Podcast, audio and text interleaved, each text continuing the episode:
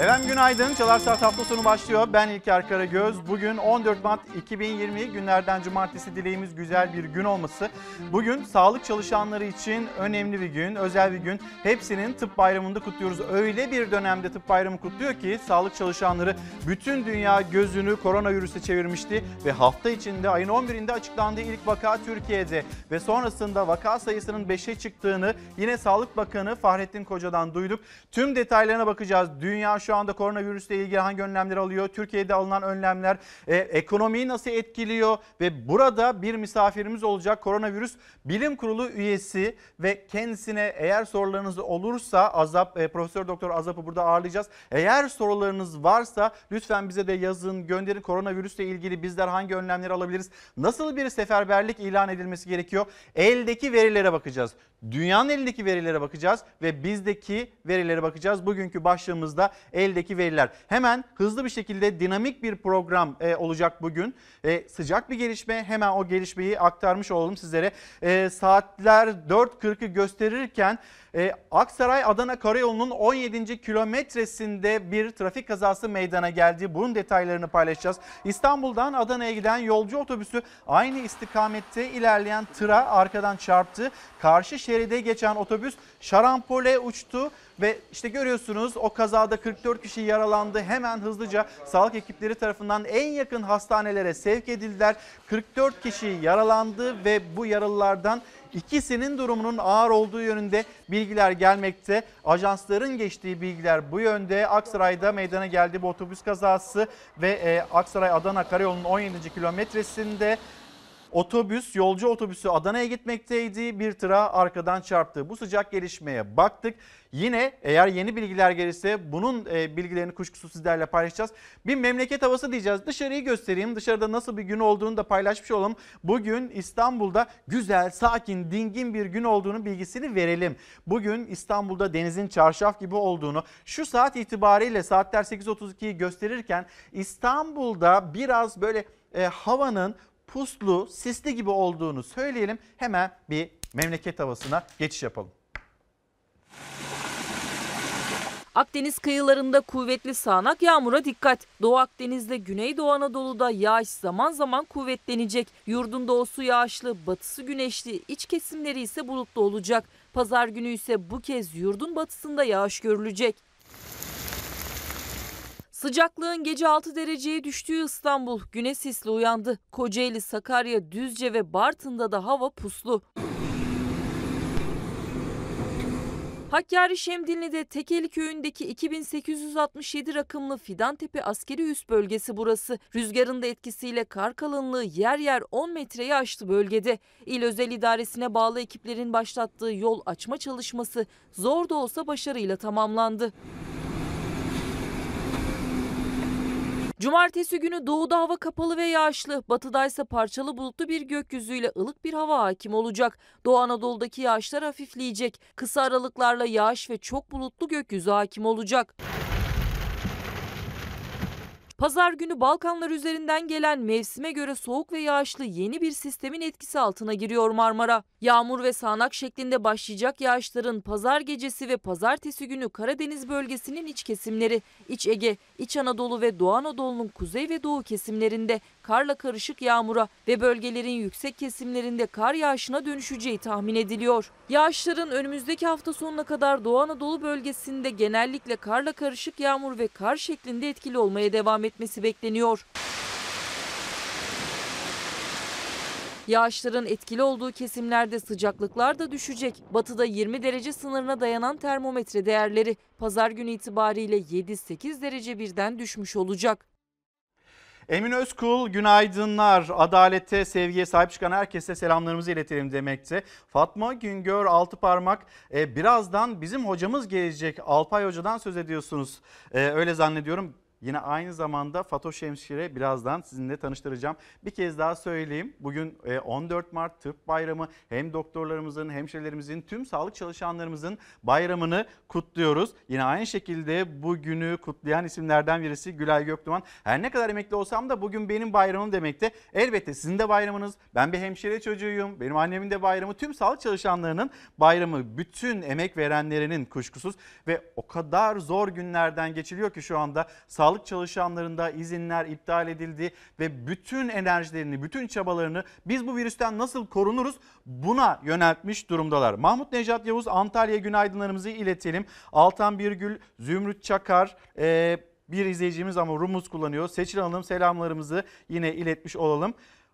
Bebekler taşıyor olabilir mi uzmanımıza sorar mısınız demekte Asena Hanım. Tamam hemen bu notlarımızın arasına alalım. Eldeki veriler başlığımız Sinan Sözmen yazmış. Ülkemizin nasıl paniklediğini gösteriyor. Paniklemeye gerek yok. Ama tedbir almamız gerekiyor. İşte risk grubunda olan e, kişiler var. O kişilerle ilgili neler yapılabilir? Ben risk grubunda değilim. Çocuklar da risk grubunda değil deyip işin içinden sıyrılmak mümkün değil. Eğer taşıyıcıysanız işte o sevdiklerinize risk grubunda olanlara bulaştırabilirsiniz. Sevdiklerinizden ayrı düşmek durumunda kalabilirsiniz. Sizin tedbirsizliğiniz bir başkasının gözyaşı olabilir. Lütfen buna dikkat edelim. Mesajlarınız geliyor. Dubai'ye de selamlarımızı iletelim. Beyhan Hanım öyle zannediyorum torunlara gittiniz. Torunları da bizim için öpünüz.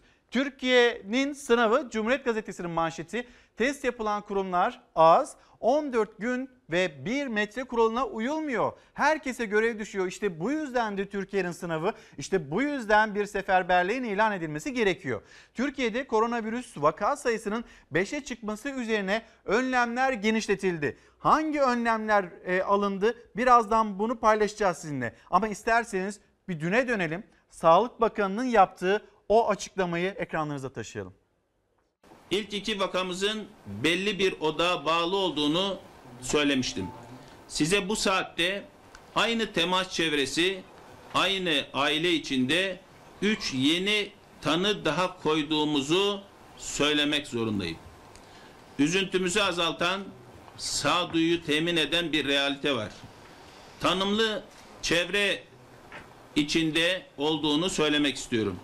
Türkiye'deki koronavirüs hasta sayısını 5 olarak açıkladı Sağlık Bakanı. İlk vakanın 11 Mart'ta tespit edilmesinden 2 gün sonra 4 kişide daha koronavirüs tespit edildi. 5 vakanın tamamı doğrudan bağlantılı.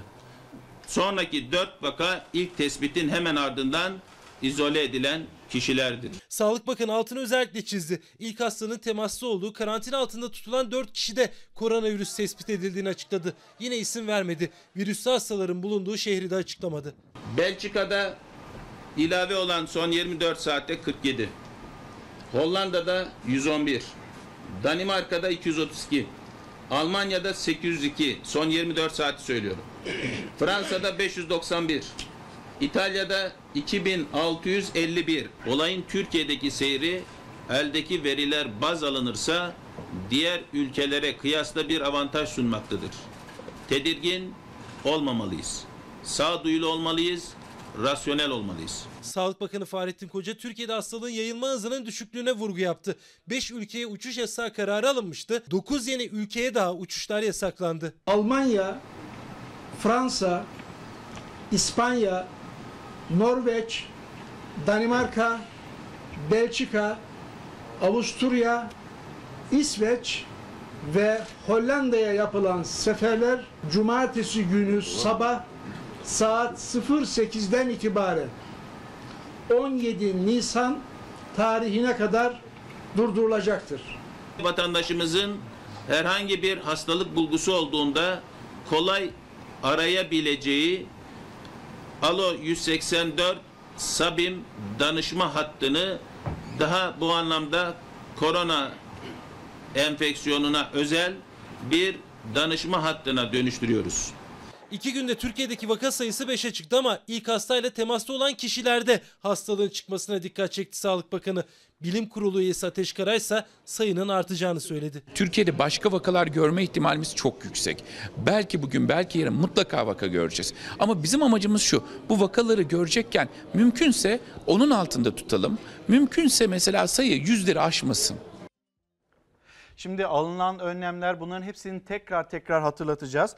Ee, Cumhurbaşkanlığı Sözcüsü İbrahim Kalın'ın yaptığı açıklama hemen bir oraya dönelim. İlk orta ve lise okulları e, 16 Mart yani pazartesiden itibaren bir hafta tatil sonrasında uzaktan eğitim olacak. Bugün e, manşetlere baktığımızda gazetelerin manşetlerinde uzaktan eğitim, o uzaktan eğitim nasıl e, gerçekleşecek?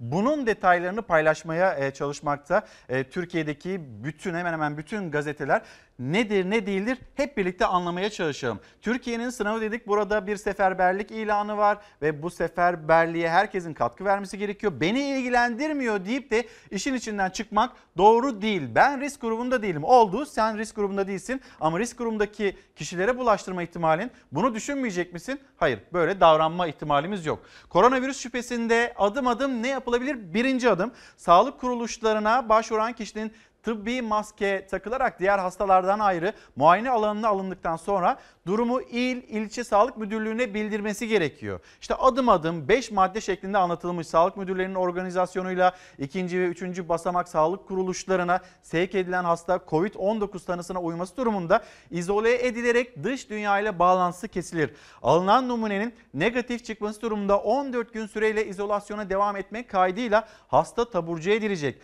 Hastalardan alınan numunenin pozitif çıkması durumunda COVID-19 tanısıyla tedavi altına alınacak hasta ikinci ve üçüncü düzey yoğun bakım ünitelerinde izolasyon odalarında takip edilecek. İyileşen hastaların taburcu edilmesi için en az 24 saat arayla alınan iki solunum yolu örneğinin negatif sonuçlanması beklenecek. Tüm bu tedbirler en başından itibaren aslında herkes iktidarı muhalefeti, herkesin alkışladığı bir organizasyon ve bu organizasyonun kurucusu yine Sağlık Bakanı aynı zamanda diğer bakanlıklarla e, bilim kuruluyla kuşkusu Sağlık Bakanı bilim kurulu ne derse ya da nasıl yönlendirirse ne yapılması gerektiğini söylerse Sağlık Bakanı da buna itiraz etmeyen hatta daha ilerisinde önlemler alan bir kişi.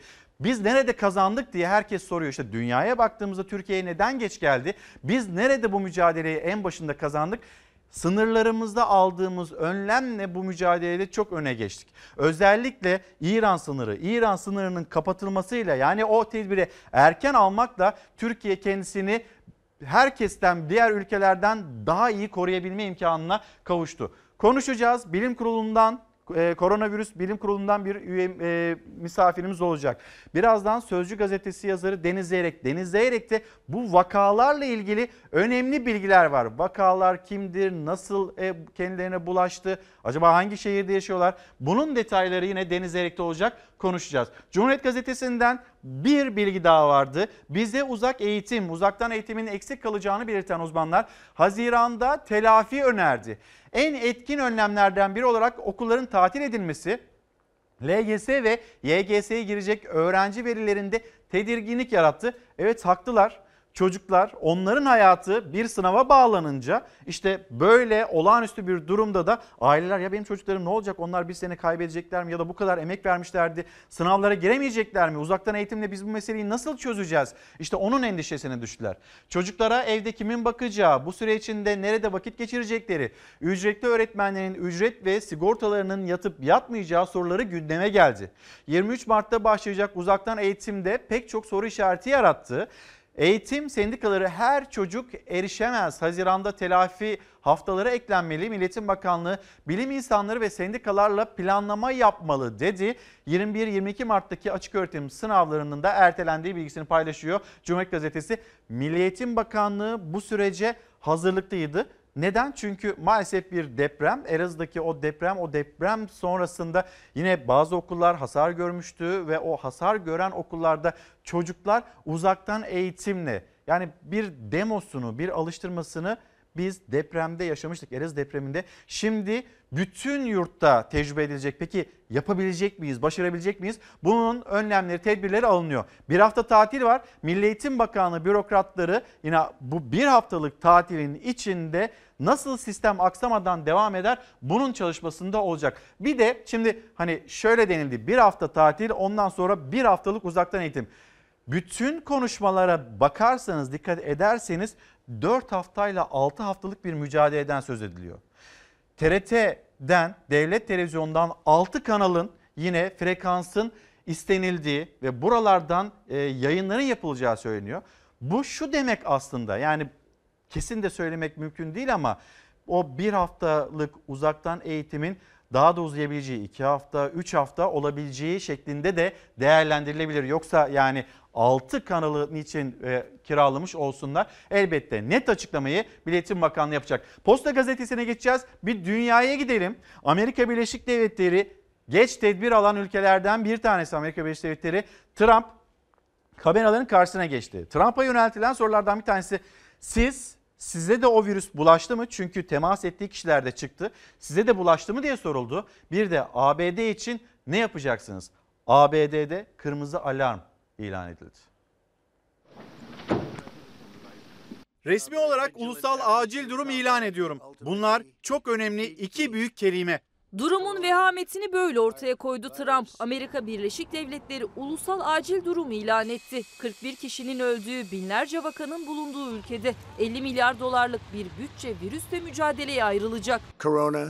Covid-19 ile ilgili şu anda farklı bir safhaya geçtik. Virüsün 46 eyalete yayıldığı, 1629 vakanın tespit edildiği, 41 kişinin de hayatını kaybettiği Amerika Birleşik Devletleri'nde Trump ve kızının yaptığı son temaslarla gerginlik en üst düzeye çıkmıştı. Trump'ın geçen hafta görüştüğü Brezilya lideri Bolsonaro'nun danışmanlığında koronavirüs tespit edildi. O gün o masada Trump'ın kızı Ivanka da vardı. Ivanka Trump ayrıca 5 Mart'ta Avustralya İçişleri Bakanı Dutton'la bir araya gelmişti. Avustralyalı bakan da koronavirüse yakalandığını açıkladı. Devlet başkanı ve kızının şüpheli görüşmeleri nedeniyle Beyaz Saray acilen toplandı. Önlem paketi beklenirken ulusal acil durum ilan edildi. Trump bu sayede eyaletlere ve belediyelere daha hızlı şekilde federal yardımın ulaşmasını sağlarken doktorların kayıtlı olduğu eyaletler dışında çalışmaması gibi bazı yasakları da ortadan kaldırıyor. Bütçeden 50 milyar dolar virüsle mücadeleye ayrılacak. Acil durum merkezleri oluşturulacak. Posta gazetesi manşeti seferberlik Sağlık Bakanı Fahrettin Koca, Adalet Bakanı Abdülhamit Gül ile Ulaştırma ve Altyapı Bakanı Cahit Turan dün 5 saat süren bilim kurulu toplantısı sonrası yeni tedbirleri açıkladı. İşte herkesin hayatını ilgilendiren o tedbirler aslında bizim de Adalet Bakanı ile ilgili bir hazırlığımız vardı. Hemen onu da ekranlarınıza taşıma imkanımız olsun burada. Çalışanlara korona izni verildi, ülkede seferberlik ilan edildi. Muhalefet hükümetin ya da bilim kurulunun aldığı bu tedbirlerden memnuniyetini dillendirmekte. 9 ülkeye daha uçuş yasağı geldi. Bunu açıklayan yine Ulaştırma ve Altyapı Bakanı Cahit Turan oldu. Çin, İran, İtalya, Güney Kore ve Irak'ın ardından Almanya, Fransa, İspanya, Norveç, Danimarka, Belçika, Avusturya, İsveç ve Hollanda'ya 17 Nisan'a kadar karşılıklı uçuş yasağı getirildi. Dün Dünya Sağlık Örgütü'nden akşam saatlerinde bir son dakika açıklaması geldi ve artık virüs coğrafya değiştirdi. Virüsün merkezi Çin değil, artık virüsün merkezi Avrupa denildi. Şimdi gelelim Avrupa'dan korkutan tablo ve liderlerin açıklamalarına. Dünya Sağlık Örgütü korona salgınının merkezi artık Avrupa'dır dedi. En tehlikeli döneme daha haftalar var. Ülke en kötü kamu sağlığı krizlerinden birini yaşıyor demekte. Boris Johnson İngiltere Başbakanı. Daha birçok aile vadeleri dolmadan sevdiklerini kaybedecek. Merkel Almanya Başbakanı bu bizim için de bilinmeyen bir sınama. Enfekte olmuş insan sayısı çok hızlı artıyor. Salgın ekonomide ciddi izler bırakacak ve Merkel'in hafta içindeki cümlelerini unutmayalım. Almanya'da 60 milyon 65 milyon insan var ve bunların %60'ı belki de %70'i bu virüsle karşı karşıya kalacak dedi. Fransa Cumhurbaşkanı Macron ülkesinde okulları tatil eden liderlerden bir tanesi. Yüzyılın en büyük sağlık krizini yaşıyoruz. Pazartesiden itibaren kreş, okul, lise ve üniversiteler kapatılacak. Hemen bir dünyadaki son dakika gelişmeleri. Çin'de başladı, hızla yayıldı. Merkezi artık doğudan batıya kaydı. Dünya Sağlık Örgütü'ne göre korona salgınının merkezi artık Avrupa.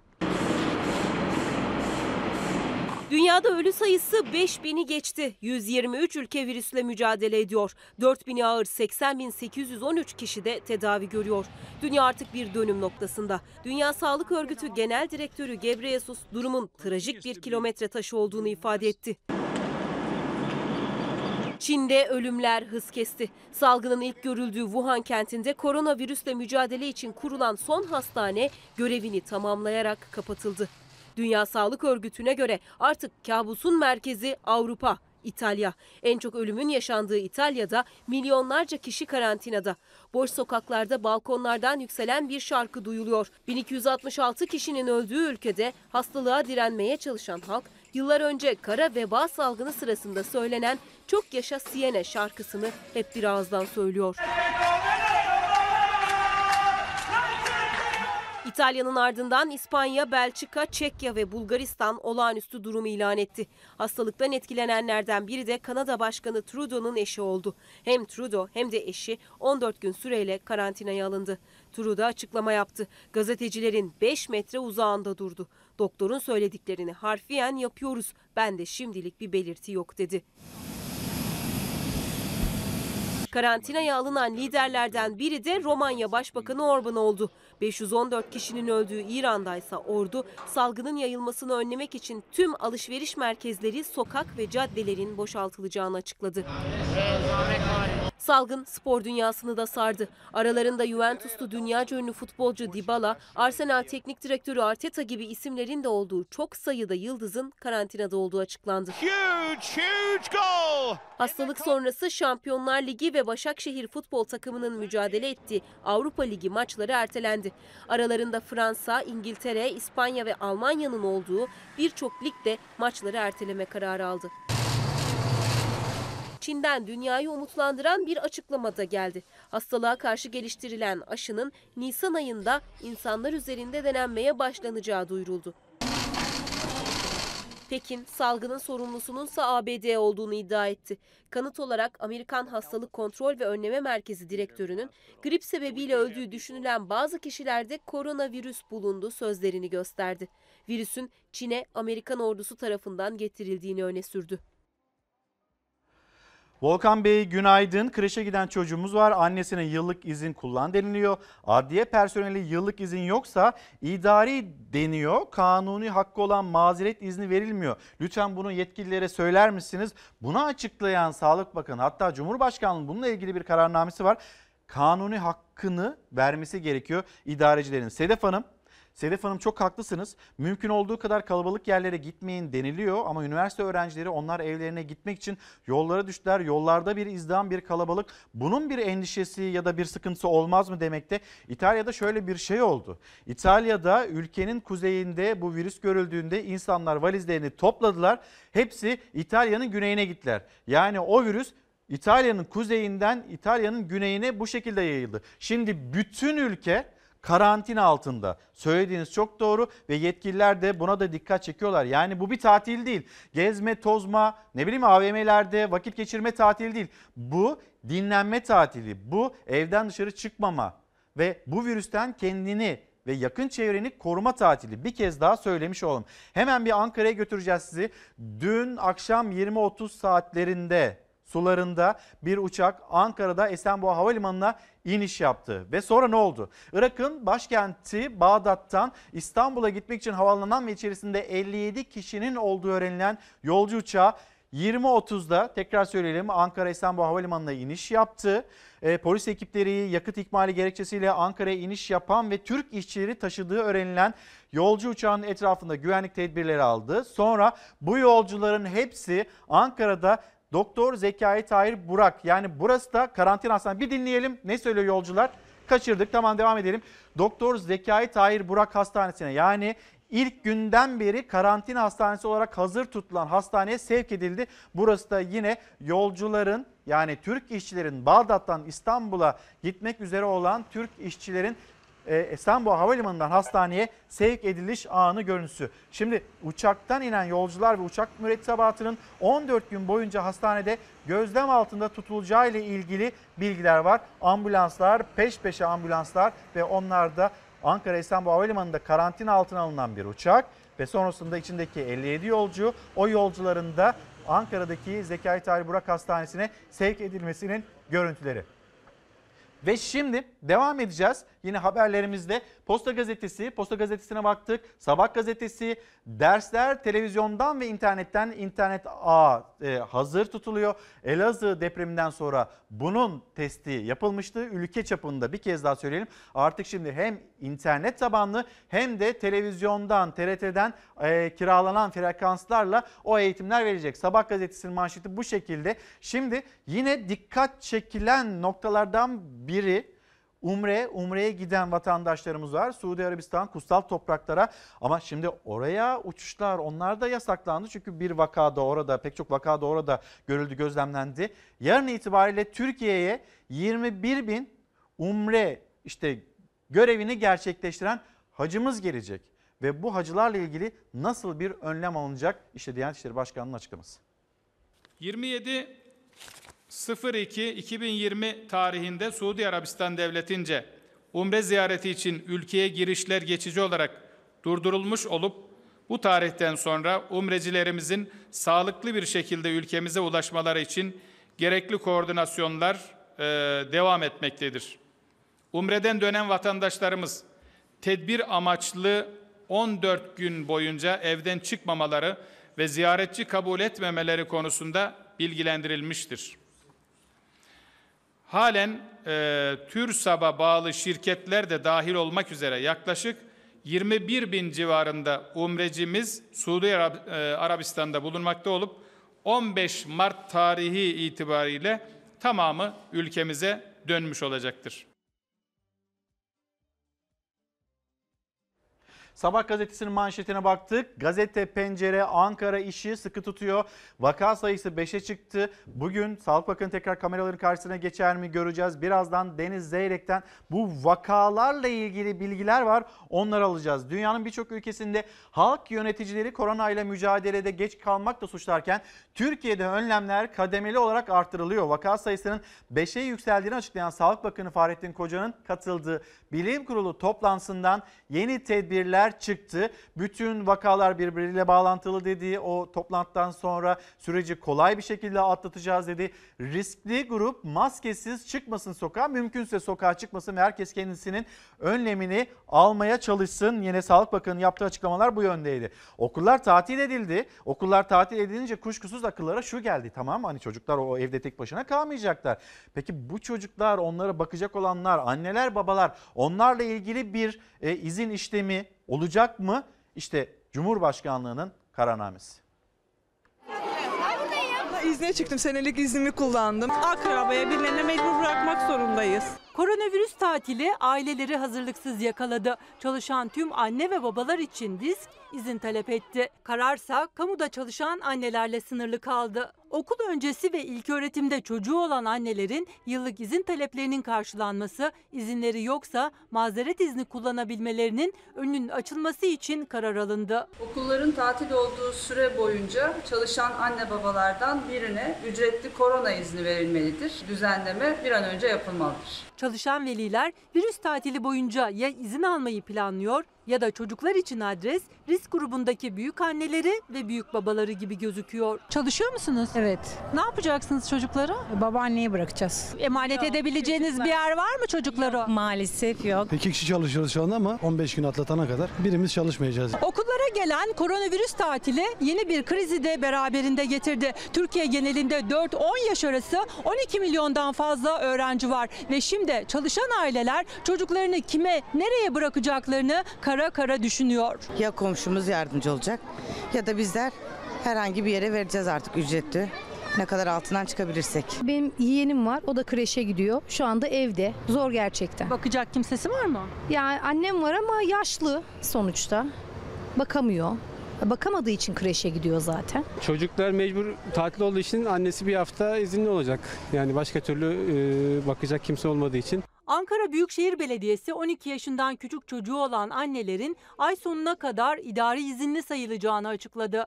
Merkez Bankası da uzaktan çalışma formülünü devreye soktu. Hamileler, süt izni kullanan anneler, kronik hastalar ve 55 yaş üstündekiler evden çalışabilecek. Sağlık Bakanlığı, kamu çalışanı annelerin izin haklarını kullanabileceğini duyurdu. Ancak tüm aileler sürpriz koronavirüs tatilinde çalışan eşlerden birinin izinli olması konusunda karar alınmasını bekliyor. Ben şu an izindeydim. Tekrar pazartesi işbaşı. Bir de duyduk 15 gün tatil. Bayağı bir sıkıntı. Komşuya da bırakılmaz. Her kimseye güven olmuyor çünkü artık. Biz kendimiz bakacağız evde. İzin almana gerek yok zaten gönderiyorlar. Onlar için de bir bahane hani yük oluyoruz diye hemen ücretsiz izinlere göndermeye başladılar. Birilerine gün doğuyor ama olan yoksullara, emekçilere oluyor. Sözcü gazetesi yazarı Deniz Zeyrek. Günaydın. Deniz abi hoş geldin. Şey, Tokalaşma yok. Sana 80 derece şöyle kolonya. Tamam, tamam. Güzel güzel mikro falan kalmasın. Şimdi abi Yüzümüze de Ankara... süreceğiz mi? Efendim? Yüzümüze de. Sürme yüzüne. Ama sürebilirsin herhalde. Var mıdır bununla ilgili bir sıkıntı? Yok. Yoktur. Ankara'nın Ankara'nın işi sık, e, sıkı tuttuğu ile ilgili gazete pencerede haber var. Şimdi vaka sayısı 5'e çıktı. Deniz abi sende yeni bilgiler var. Önce onu istersen bir dinleyelim. Şimdi bu 5 vaka ilk vakaya bu mikrop nereden sıçramış? Sonra nasıl yayılmış? Bir Avrupa bağlantısı deniliyordu. Avrupa'ya gitmişler mi? Yoksa Avrupa'dan gelen birisiyle bir temas mı var? Şehir özellikle söylenmiyor. Bu Evet. böyle bir bilgiye gerek yok denilmekte. Ee, ama bir coğrafyada işaretleniyor. Yani pa- paniğe Dinleyelim, gerek evet. olur diye herhalde söylenmiyor. Bu buralarda bir yerde. Yani İstanbul'da değil ama. İstanbul'da İstanbul- değil. İstanbul'un yakınında bir yerde. Yani çok yakın bir mesafede. Marmara bölgesinde. Öyle diyelim Marmara bölgesinde. Ee, hepsi aynı aileden. Ee, hani virüsten dolayı hani gribal e, belirtiler, e, komplikasyonlar e, eşler yani karı kocada çıkmış vaziyette. Onların işte solunum e, yollarıyla ilgili bir tedavisi devam ediyor ama yaşamsal bir sıkıntıları yok e, öğrendiğim kadarıyla. Diğerleri de e, onlarla temas halinde olduğu için belirtiler başlayınca e, hemen e, işlemler başlatılmış. Bizim buradaki şansımız vakanın erken teşhis edilmiş olması değil mi? Yani Tabii. yoksa hani ilk vaka ilk vaka 4 kişiye bulaştırmış. O 4 kişi yine her biri 4 kişiye bulaştırsa böyle kademe kademe Tabii, tabii. artık Yani ilerleyebilecek burada, bir şey. Burada çünkü bu. zaten önemli olan şey şu, yurt dışıyla bağlantılı insanlarla temas içinde olan insanların dikkat etmesi lazım. Yani e, nedir mesela e, adam İtalya'ya fuara gitmiş. Zaten İtalya'da şu anda yaşanan şeyin Heh, nedeni Hikaye hikayeyi bir şey yapalım. fuarlar. Evet. Ee, Çin'de çıktı mesele ama İtalya'da fuar haftası işte Fashion Week vesaire. E, Çinliler de bu konuda çok şey yani bütün fuarlara gidip katılıyorlar. E, o şekilde İtalya'ya taşınmış. Ve bize gelen vakaların önemli bir hani e, riskli daha vaka demeyeyim de riskli bakılanların çoğu da bu tür fuarlara gidip gelen vatandaşlar. Bu o, yani 5 kişinin e, bu virüsle e, bu virüsün 5 kişiye bulaşmasına neden olan şey de yine galiba İtalya'da bir fuardan gelen bir vatandaş. Ondan e, yayılmış ama tabii e, en önemlisi e, alınan tedbirler. Mesela Sayın Bakan sürekli diyor ya 14 gün, 14 gün, 14 gün bu çok önemli. Yani Evet. e, yurt dışından gelmişseniz 14 gün kendinizi izole edin. Bunun başka bir yolu yok. Etrafına baktığında Deniz abi nasıl gözlemliyorsun? Yani insanlar tedbir alıyor mu? Ne dersin? Ee, alıyor gibi yani bir, bir iki tür var. Biz burada kolonyayla be- bekliyoruz konuklarımızı ama. iki tür var. Bir- Birisi bana bir şey olmaz genişliğinde insanlar. Biri de panik yapanlar. Ya ikisi de yanlış. Ortayı bulmak lazım. Yani tedbiri elden bırakmamak lazım ama paniğe de gerek yok. Çünkü e, gerçekten hani bakıyorum e, insanlar sorumlu davranıyor. Burada hani ben bugün onu yazdım. Hani şeyde hükümetin sloganı ne? E, salgın küresel, tedbirler ulusal. Doğru. Ben de buna şunu ekliyorum. Sorumluluk da kişisel. Evet. Şimdi eğer ben yurt dışına gitmişsem yabancılarla, gribal durum olanlarla, korona bulaşmış insanlarla temas ihtimalim varsa sorumlu davranmalıyım. Bunu Türkiye'ye getirdiğimde yani dö- Türkiye'ye döndüğümde o 14 gün kuralına uymam lazım. Yani o onu varsa eğer bana bulaşmışsa bir alanda izole etmem lazım. Eğer hiçbir şey yokmuş gibi ulu orta dolaşırsam vesaire bu çünkü geometrik yayılıyor. Yani Evet. ben bir kişiye bulaşıyor ondan 5 kişiye. O 5 kişiden işte beşer kişiye dediğin zaman 25 kişiye. Böyle işte 25 kişiden 625 kişiye. İtalya şu anda onu yaşıyor. Şimdi bu konuda konuşabilecek gazetecilerden birisisiniz siz. Neden? Çünkü Bi- biyoloji okudum evet. Çünkü biyoloji okudunuz. Virüsler Orta Doğu hakkında Teknik biraz Üniversitesi. bilgi e, sahibiyim. E, Virüsler hakkındaki en önemli, bunu tabii bilim adamlarının yanında bize düşmez ama en önemli şey şu. Virüsler e, hani tek başına canlı değiller. Yaşamak için bir canlı hücreye ihtiyaç duyarlar. Kendilerini işte e, e, genetik e, şeylerini çoğaltmak için e, canlıya ihtiyaç duyarlar. Onun için de canlı ortamı olmadan yaşamazlar. Onun için bu temas meselesi, işte solunum yoluyla bulaşma meselesi tamamen bizim insanların sorumluluğuna kalmış. Yani işte bizim aramızdaki mesafe bunun için ideal bir mesafe. Yani daha fazla yaklaşmaya gerek yok. E, Böyle bir dönemde tokalaşma gibi bir şeyi de bir süre unutalım.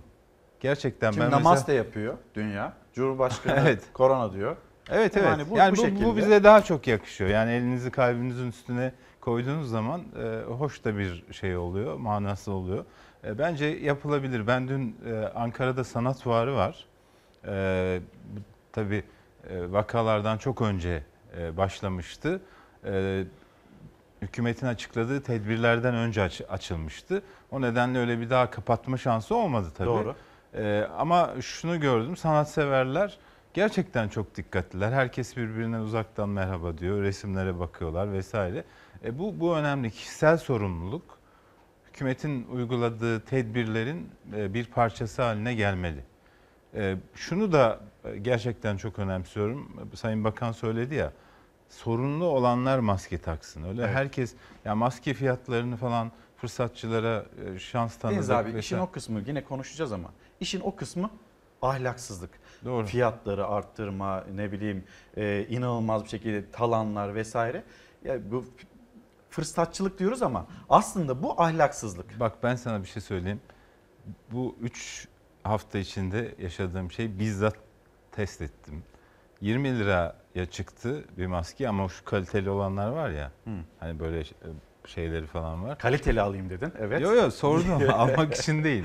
Bir, Evet. Yani bir ay boyunca bir e, Hacettepe Hastanesi'nin önünden e, Evet. geçtim. Oradaki eczanelere sırayla girdim sordum. 5 liralık şey 20 lira oldu. 20 liralık şey 80 lira oldu. 80 liralık şey 120 lira oldu. Üç Kara borsaya düştü. 3 haftada Tabii. bak. Ya bunun adı fırsatçılıktır. Hani ekonomide fiyatları arz talep ilişkisi belirler. Arz sıkıntılıysa talep fazlaysa fiyatlar artar falan gibi bir takım şeylerle açıklamaya çalışıyorlar ama değil. Gerçekten fırsatçılık. Deniz abi siyasette konuşalım. Koronayı konuşalım. Memleketin e, sorunları var. E, ya da siyasetin önemli konuları var, başlıkları var. Bunları da konuşalım. Ama bir tedbirler haberi verelim. Bir misafir daha ağırlayacağız. Burada bir e, siyaset bilimciyi. Tedbirleri hemen bir paylaşalım. Misafirimizi alalım. İlk orta ve e, lise e, okulları 16 Mart tarihinden itibaren bir hafta tatil edilecek. Okullar tatil, spor müsabakaları seyircisiz, kamu görevlerinin yurt dışı seyahatleri izne bağlı. Beştepe'de Cumhurbaşkanı Başkanlığında 5 saat süren koronavirüs zirvesi sonrası madde madde tedbirler açıklandı. Yeni günde ise Türkiye Büyük Millet Meclisi ziyaretçilere kapatıldı. Bugün o işlerin bir Bu süreci el birliğiyle ne rehavete ne de paniğe kapılmadan e, inşallah birlikte atlatma imkan ve kabiliyetine sahibiz. En çok merak edilen okulların tatil edilip edilmeyeceğiydi. Nisan ayındaki ara tatil öne çekildi. İlk orta ve liseler 16 Mart tarihinden itibaren 2 hafta tatil edildi. İkinci hafta uzaktan eğitim başlayacak. Çalışma Bakanlığı'na bağlı özel kreşler, gündüz bakım evleriyle özel çocuk kulüpleri de 2 hafta süreyle tatile girdi. 16 Mart tarihinden itibaren 3 hafta boyunca üniversitelerimizde tatil e, edilecektir. Nisan sonuna kadar maçların seyircisiz oynanacağını ifade etmek istiyorum. Nisan ayı sonuna kadar futbol, basketbol, voleybol tüm branşlarda müsabakalar seyircisiz oynanacak. Gençlik ve Spor Bakanlığı 18 Mart Çanakkale Zaferi'nin yıl dönümünde şehitler için yapılan 57. alay yürüyüşünü de iptal etti. Cumhurbaşkanlığı bisiklet turunu da. Fevkalade bir durum olmadığı müddetçe kamu görevlilerinin yurt dışına çıkışı izne tabi olacaktır. Kamu görevlilerinin yurt dışı ziyaretleriyle ilgili Cumhurbaşkanlığı genelgesi yayımlandı. Kamu personeli olağanüstü durumlar dışında yurt dışına çıkmak için izin almak zorunda. 5 saatlik koronavirüs zirvesi sonrası vatandaşlara da zorunlu olmadıkça yurt dışına çıkmayın uyarısı yapıldı. Cumhurbaşkanımızın da yurt dışı programlarını bir müddet erteliyoruz. Sadece yurt dışı seyahatleri değil, Cumhurbaşkanı Erdoğan'ın yurt içindeki programları da tek tek iptal ediliyor. 18 Mart günü yapılacak AK Parti grup toplantısının da iptal edildiği açıklandı. 14 Mart günü İstanbul'da düzenlenecek olan ve davetler arasında Cumhurbaşkanı Erdoğan, Kılıçdaroğlu, Davutoğlu, Abdullah Gül ve Saadet liderinin de bulunduğu Erbakan Ödülleri programı da ertelendi. Mart sonuna kadar Türkiye Büyük Millet Meclisi de ziyaretçilere kapatıldı. Her yer dezenfekte ediliyor. Ticaret Bakanlığı da Nisan ayı sonuna kadar ulusal ve uluslararası tüm fuarların iptal edildiğini duyurdu. Tarım Bakanlığı yurt dışından evcil hayvan ithalatını durdurdu. Aile Bakanlığı biyometrik kimlik doğrulama yani parmak iziyle kayıt sistemini askıya aldı. Adalet Bakanlığı da cezaevi ziyaretlerine kısıtlama getirdi. Cezaevine ilk kez giren mahkumların 14 gün boyunca karantinada tutulacağını açıkladı.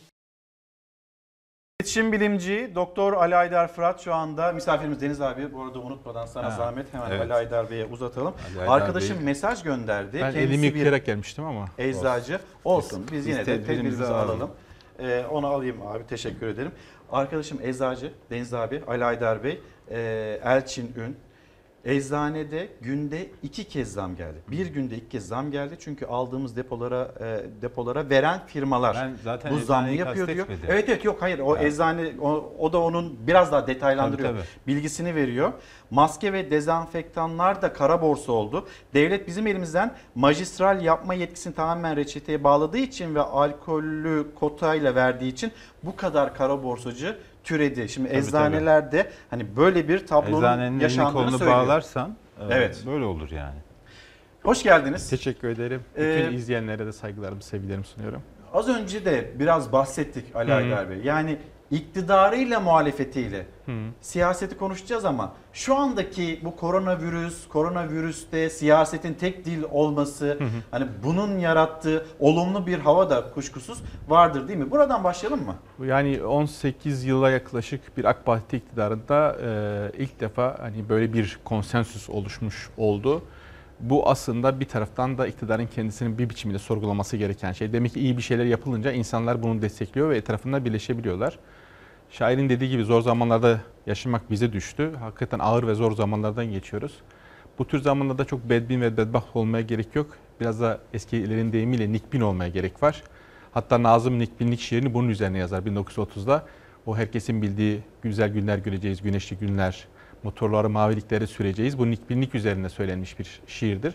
Dolayısıyla evet ağır ve zor zamanlardan geçiyoruz. dediğin, e, iyimserlik. İyimserlik. Yani iyimserlik. Dolayısıyla bu, biz bu zamanlar onun için Evet, bu zamanlar e, bir biçimiyle geçecektir ama dayanışmayla geçmesi lazım. E, aslında tabii sürecin üç aşaması var. Bir evet ilk aşaması bence olumlu geçti. Yani bakanlık ve genel olarak Türkiye'deki bütün kamuoyu bu süreci riayet etti. O da neydi? Yani önlemlerin alınması konusunda. Şimdi ikinci aşama ağır bir aşama. Yani bizzat sürecin kendisine muhatap olacağız, hasta olacağız, iyileşme süreçlerine tedavi olacağız. Bu sürecin iyi bir biçimde götürülmesi lazım ve sonrasında da bir biçimde bu yaraların sarılması lazım. Dolayısıyla yani bu üç aşamalı sürecin ilk aşamasını biz geride bıraktık. Diğer geri kalan iki aşamayı da iyi gözlemlemek lazım, iyi hazırlanmak lazım.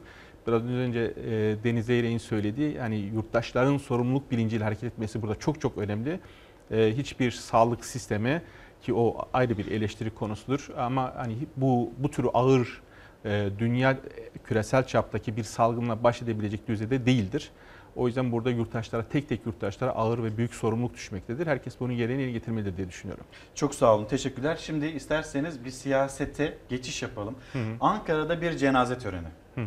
Ve o cenaze töreninde verilmiş olan görüntüler. Hı hı. Bir bakalım Deniz abi hem senin hem de Ali Aydar Bey'in e, yorumlamasını isteyeceğim. Buyurun. Bazen bir an bir bakış çok şey anlatır. Eski hatıralar, araya giren hatırlılar, Bülent Arınç ve Melik Gökçek arasındaki imaları ve iddiaları tartışmayı dizginlemeyi başardı. Ama ikilinin birbirine karşı yürekleri soğudu mu derseniz işte yanıtı. Bu yapıya Ankara'yı parsel parsel satmıştı. İçimizdeki fitnecilere imkan verme. Onları helak et ya Rabbi. Milli Görüş'ün en önemli isimlerinden birisiydi Şevket Kazan. Sonsuzluğa uğurlandı. Bu anda Kazan'ın Ankara'daki cenaze töreninde kayda geçti. Belediye başkanlığı döneminde Ankara'yı FETÖ'ye parsel parsel satmakla suçlayan Bülent Arınç, Melik Gökçek'in göz hapsinde. Sadece onlar değil. İlk iki safta buz gibiydi ifadeler. Milli görüşten aksakallılara sesimizi duyuramıyoruz diyerek kopan sonra da kendi içinde yol arkadaşlıkları ağır hasar alan yenilikçiler. AK Parti'yi kuranlar Erdoğan, Gül, Arınç.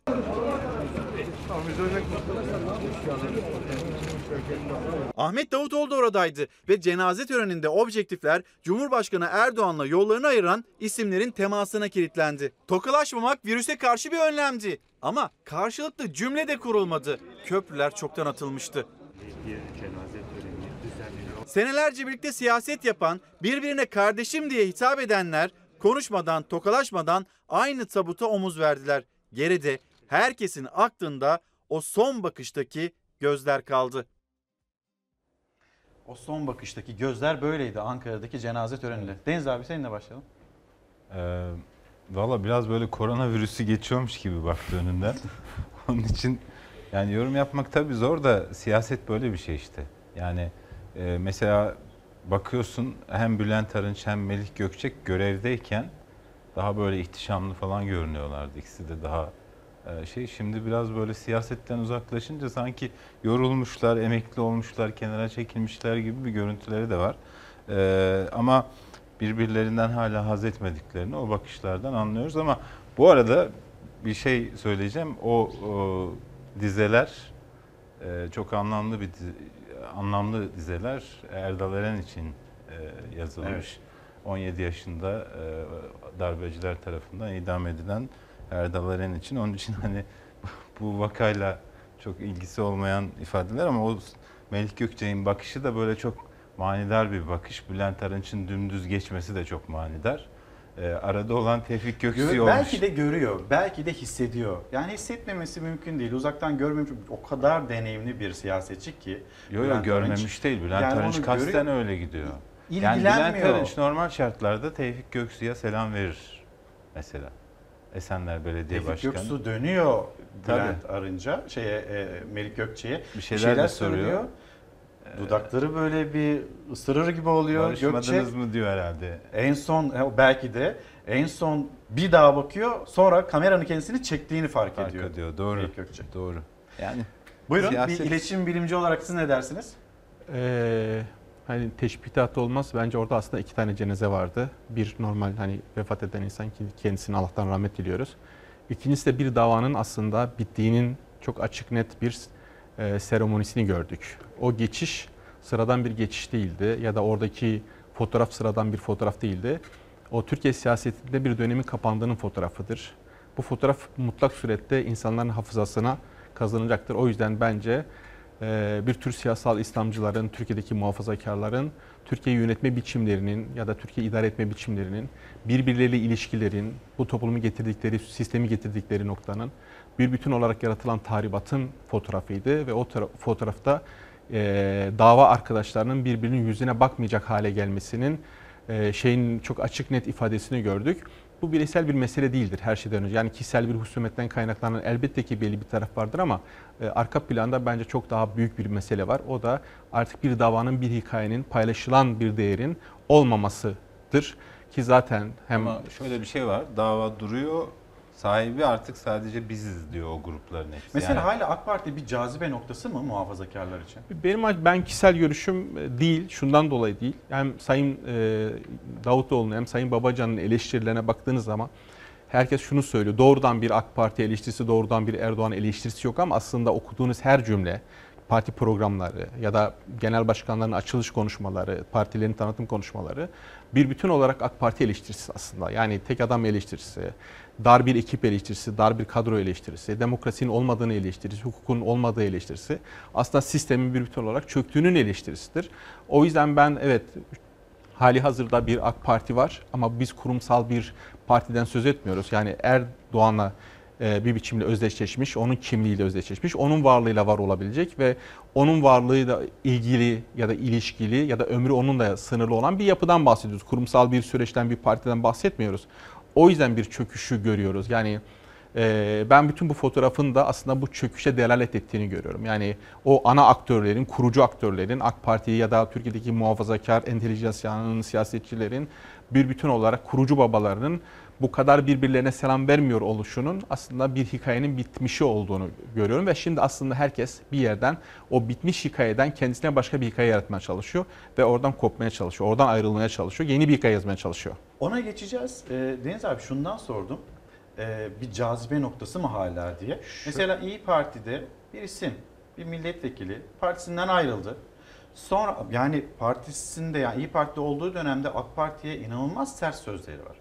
Sonra AK Parti'ye geçtiğini gördük biz bu hafta. Hani diyorsunuz ya siyaset böyle bir şey. Ya siyaset nasıl bir şey? İnsanları hani nasıl böyle bu kızdığına şimdi e, yan yana getirebiliyor, kızdığıyla yan yana getirebiliyor.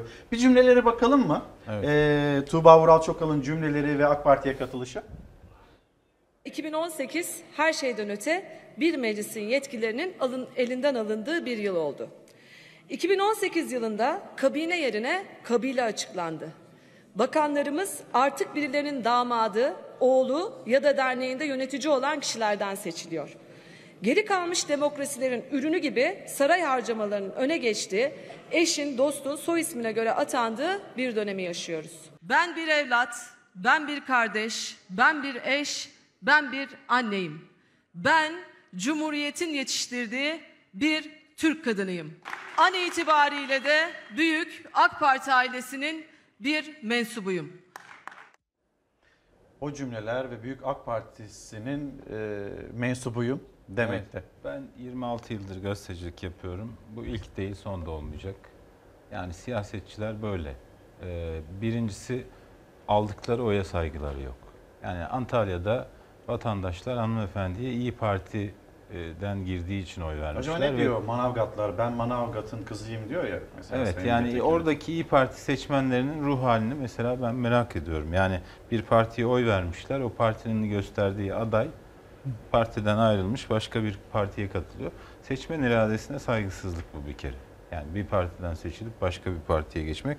İkincisi artık sıradan bir şey haline geldi AK Parti'de. Yani belki hanımefendi bakanlık falan bekliyor olabilir ya da partide genel başkan yardımcılığı. Çünkü hep öyle oldu. Yani baktığın zaman e, Numan Kurtulmuş Has Parti Genel Başkanıydı. İşte Harunlardı, Karun oldular ifadesi Diyordu. ona ait. E, Sayın Süleyman Soylu Demokrat Parti'de, Neler? Partisi'nde çok ağır eleştiriler yapıyordu. O şu anda çok güçlü bir konuda. E, Numan Kurtulmuş da keza öyle. E, Böyle farklı partilerden gelip AK Parti'de önemli mevkilere geçiliyor. E, Hanımefendi de belki öyle bir beklentiyle geçti. E, Ama partiye de bir, bir çift laf söylemek lazım. Yani e, insanlar yıllarca bu partiye çalışıyorlar, milletvekili olmak istiyorlar, e, il yöneticisi olmak istiyorlar, delege olmak istiyorlar. Tabii tabii. Yani bütün partiler yani bu tür şeyleri kabul eden partileri kastediyorum ama burada bu vaka özelinde AK Parti'ye söylüyorum. E onların emekçilerine de yazık yani. Yıllarını AK Parti'ye vermiş insanları izlerken e, bu ha- hanımefendi önümüzdeki Mahalle seçim- teşkilatından geliyor, ilçe Tabii, teşkilatından, tabii. il teşkilatından geliyor. Yani parti de biraz dik durmalı, siyasetçi de dik durmalı ki siyaset bu, bu tür şeyler yaşamasın. Biz hatırlar mısın rahmetli oldu galiba Fırıldak Kubi diyorlardı. yani rahmetli oldu. böyle çok kısa sürede çok fazla parti değiştirdiği için Rekor o- onda. O da sembolize ediyor artık bu parti arası geçişleri falan. Ee, siyasete yazık bence. Siyasetin bu bu siyasete yakışmıyor bence. Siz ne dersiniz? Biraz da Babacan ve Davutoğlu'yla bağdaştırmanızı isteyeceğim. Yani AK Parti ve Cumhurbaşkanı Erdoğan eski güçlü günlerinde olsaydı bence böyle bir geçişi kabul etmezlerdi. E, Ve Sayın yani Vekil'in de Babacanlar, Davutoğlu, Abdullah O Gül bi- gibi biraz- isimler onlar yanında olmadığı için mi bu tür E, ihtiyaç kabuller var. oluyor? Yani şu mesajı verilmek vermek isteniyor. Ee, bakın henüz partimize işte insanlar geliyor, yeni işte isimler katılıyor vermek istiyorlar ama hanımefendinin konuşmalarına bakıldığı zaman ve bir takım iddialara bakıldığı zaman aslında geçişin çok da sağlıklı olmadığını görüyoruz. Bu bir siyasi ahlak meselesi, siyasi etik meselesi. Yani kendi partinizi beğenmiyor olabilirsiniz, ona ters düşebilirsiniz. Yani partiden istifa edersiniz ama başka bir partiye onun üzerine ona karşı siyaset yapmış o partiye geçmezsiniz. Burada bir tutarsızlık var. Burada bir siyasi etik sorunu var. Bunu görmemiz gerekiyor. O e, başta söylediğiniz şeye katılıyorum. E, bir Babacan, Davutoğlu ve arkasından gelebilecek yeni yeni isimler, ayrılacak isimler üzerinden bir tür bir mesaj veriliyor. Bakın işte başka partiden bize hala umut vaat ediyoruz. Hala bir merkeziz, bir çekim merkeziyiz.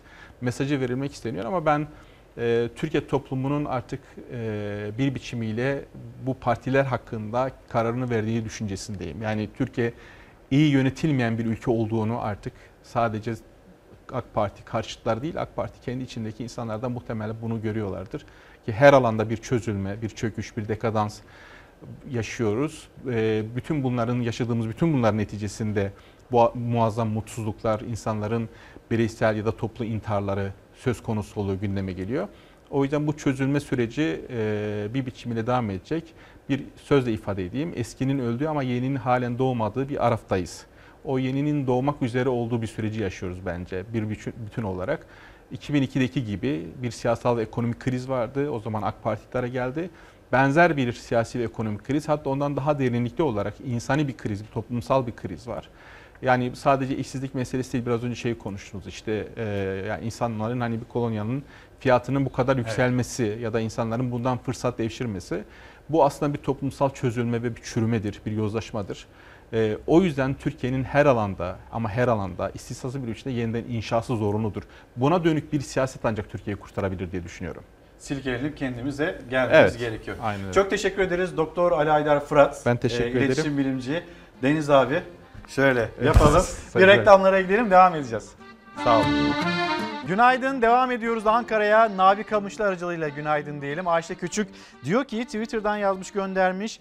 Ee, Allah yardımcımız olsun. Ne olacak bu hallerimiz korkumuz e, ve endişemiz giderek yükselmekte. Hayatın tadı tuzu gidiyor elimizden diyor. Ee, yine Ercan Karyar pazar günü Umre'den dönecekler için özel bir önlem var mı? Bu bence tehlikeli. Tehlikeli değil mi diye soruyor. Diyanet İşleri Başkanlığı, Sağlık Bakanlığı bununla ilgili önlem alacaktır. Alacaktır ama en başta herkesin Umre'den dönen vatandaşlarımızın kendilerinin bir önlem alması gerekiyor. 14 gün boyunca e, dışarıyla e, temaslarını kesmeleri gerekiyor. Evde kendi kendilerine bir karantina uygulamaları gerekiyor. Çünkü 21 bin kişiden söz ediliyor. O 21 bin kişiyi alabilecek bir hastane böyle bir hazırlığımız var mı? Ondan çok emin değilim. Rahim Bey diyor ki depremler, şehitler, virüsler, fırsatçılar, işsizlik, geçim sıkıntısı, yurtta ve cihanda huzursuzluk çok da umutsuzluk da geldi bu 2020 yılı. Eldeki verilere göre başlığı altında yazmış. Hakkımız olan emekliliği birçok işsiz olan biz EYT'lilerin 2020'den sağ çıkmamız bile zor görünüyor demiş e, yani bir umutsuzluk mesajını paylaşmış aslında ama e, doğru değil. Yani bunlar yaşanıyor, bütün dünya yaşıyor ama bir olunca, yan yana olunca hep birlikte o titiz davranışı sergilediğimizde yani kolonyamızı, dezenfektanlarımızı, her şeyimizi hazır tuttuğumuzda, kendi temizliğimize, kişisel e, temizliğimize dikkat ettiğimizde biz bu virüsten kendimizi korumayı başaracağız. Devam edelim hemen gazetelere dönüş yapalım. E, kamuda 60 yaş üstüne 12 gün izin 5. vaka işte dün Sağlık Bakanı kameraların karşısına geçti. Ulaştırma Bakanı ve Adalet Bakanı ile birlikte. Bu arada merak ediyorsunuz Adalet Bakanı cezaevleriyle ilgili bir açıklama var mı diye. Hatta bir izleyicimiz yazmış onu da bakayım. Mevlüt Bey göndermiş. Cezaevleri full dolu insanlar üst üste yatıyorlar.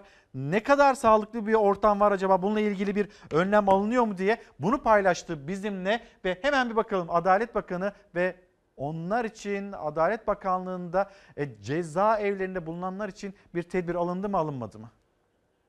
Ceza infaz kurumuna girmeden önce alınan ilk kabul raporlarıyla birlikte bulaşıcı hastalık yönünden değerlendirilmesi bu zaten başından itibaren takip edilen bir süreçti. Hastalık belirtisi olanların ceza infaz kurumuna alınmaması, sağlık muayenesinden geçip tedavileri yapıldıktan sonra yine ceza infaz kurumuna alınması hususunda bir kararımız söz konusu. Açık ve kapalı tüm cezaevlerindeki görüşler iki hafta süreyle ertelenmesi burada karara bağlanmıştır. Zorunlu durumlarda Cumhuriyet Başsavcılığı kararıyla görüşlerin yaptırılması uygun mülahaza edilmiştir. Dinamik bir yayında karşınızdayız. Az önce işte Deniz Zeyre'yi ağırladık. Bir iletişim bilimci Ali Aydar Fırat'ı ağırladık. Birazdan Doktor Oğuz Demir, Demir burada olacak. Koronavirüs onu konuşurken mesela biz işsizlik rakamlarını konuşamadık. Bu hani bütün dünyanın gündemi olduğu koronavirüs. Ama bunu da konuşmamız gerekiyor. En nihayetinde koronavirüsten 2 ay sonra kurtulacağımızı söylüyor yetkililer. Ama Türkiye'nin kronik bir meselesi var. Eldeki verilere bakacağız yine işsizlik rakamlarına. Koronavirüsün tüm dünyayı nasıl etkilediği, e, ekonomiyi nasıl etkilediği, bizim cebimizi nasıl etkileyebileceği, e, piyasalara bakacağız, altına bakacağız, dolara bakacağız, euroya bakacağız. Bunların hepsini konuşmak istiyoruz. Ölüme alıştık. Virüs korkutmuyor. Bakın bu önemli bir mesele. İdlib'deki siviller ateşkesten memnun. Rejim ve Rus bombardımanlığıyla harabeye dönen Binliş kasabasında yaşam mücadelesi sürüyor. Evlerin bahçelerinde, mevzilerde oynayan çocuklar, çocukların oyuncakları, para, şaraplar parçaları. Yani bu coğrafyada bütün dünya koronavirüs derken kendini korumaya çalışırken işte bakın çocuklar, bakın insanlar, şarapnel parçaları, füze parçaları onların evlerinin avlusunda çocuklar bunlarla oynuyor ve Milliyet Gazetesi işte onu hatırlatıyor. Bu arada işte göçmenler meselesi vardı. Avrupa'ya gitmek istiyorlar. Avrupa'ya gitmek isteyenlerle ilgili Türkiye kapıları açacağını söylemişti. Açtı ama Yunanistan'da önlerine duvarlar örülmeye çalışılıyor. Bunu konuşmak için önümüzdeki hafta 17 Mart tarihinde İstanbul'da Macron yan yana gelecekti Cumhurbaşkanı Erdoğan'la. Yine Merkel gelecekti. Belki Boris Johnson da gelecekti İngiltere Başbakanı ama gelemeyecekler. Bir son dakika bilgisi. Dünya koronavirüs nedeniyle diken üstünde. Liderler de hastalığın bulaşma ihtimaline karşı temkinli hareket ediyor. Cumhurbaşkanı Erdoğan, Fransa Cumhurbaşkanı Emmanuel Macron ve Almanya Başbakanı Angela Merkel arasındaki görüşmede telekonferansla yapılacak. Üçlü zirvenin Cumhurbaşkanı Recep Tayyip Erdoğan'ın ev sahipliğinde 17 Mart'ta İstanbul'da düzenlenmesi planlanıyordu. Üç liderin görüşmesinde İdlib ve mülteci meselesiyle Türkiye-Avrupa Birliği ilişkileri ele alınacaktı. Ancak görüşmeye birkaç gün kala koronavirüs tedbirleri kapsamında buluşma fiziki olarak yapılmayacak. Telekonferansla gerçekleşecek. Spor müsabakaları işte onlar seyirsiz oynanacak. Spor Bakanlığı'nın yaptığı açıklamalar bu şekilde.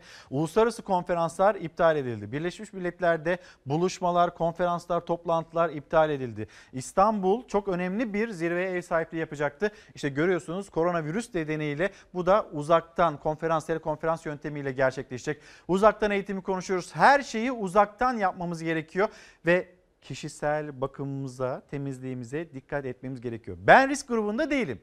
Çocuklar risk grubunda değil. Ama çocuklar onlar süper taşıyıcı. Birazdan Alpay Azap, Profesör Doktor Alpay Azap burada olacak. Eğer sorularınız varsa lütfen hem Instagram'dan hem de Twitter'dan bize gönderin. Ve soracağız bu virüs nedir, nasıl yayılıyor, ülkemizdeki durum ne, dünya bundan e, nasıl kurtulacak, bizler nasıl kurtulacağız, en son alınan tedbirler yeterli mi değil mi? Ve sizin soracağınız soruları kendisine yönelteceğiz. Milli Gazete manşeti hadi gel toparlanalım. Türkiye AB ilişkilerini toparlama mesajı yayınlayan Avrupa Parlamentosu Türkiye ile Avrupa Birliği arasındaki işbirliği alanlarını işaret ederek ilişkilere tekrar bir göz atalım. dedi kapılar açıldıktan sonra. Bir haber daha benzin motorunun altına geriledi. Birazdan bu meseleyi konuşacağız. Bu burada kalsın Hüseyin ama gidelim. İdlib meselesi Milli Savunma Bakanı Hulusi Akar Rusya ile varılan Moskova mutabakatı ve o mutabakatın neleri içerdiği. Geçtiğimiz salı günü e, Türkiye'ye bir Rus askeri heyeti geldi. Türk askeri heyetiyle bu heyet e, aşağı yukarı 4 günden beri görüşmelerini sürdürüyor. Bütün taleplerimizi, isteklerimizi, arzularımızı, beklentilerimizi o mutabakata uyum olarak masaya koyduk. Karşı taraf da kendi fikirlerini, kendi taleplerini ortaya koydular ve bir yerde buluştuk. Ve birincisi e, bu e, hazırladığımız metin iki tarafça imzalandı. Biraz önce imzalandı. Yürürlüğe girdi. Ve bunun ilk e, uygulamasını da ayın 15'inde M4 karayolu üzerinde ortak devreyle göreceğiz. Daha sonra e, müşterek koordinasyon merkezleri kurulacak.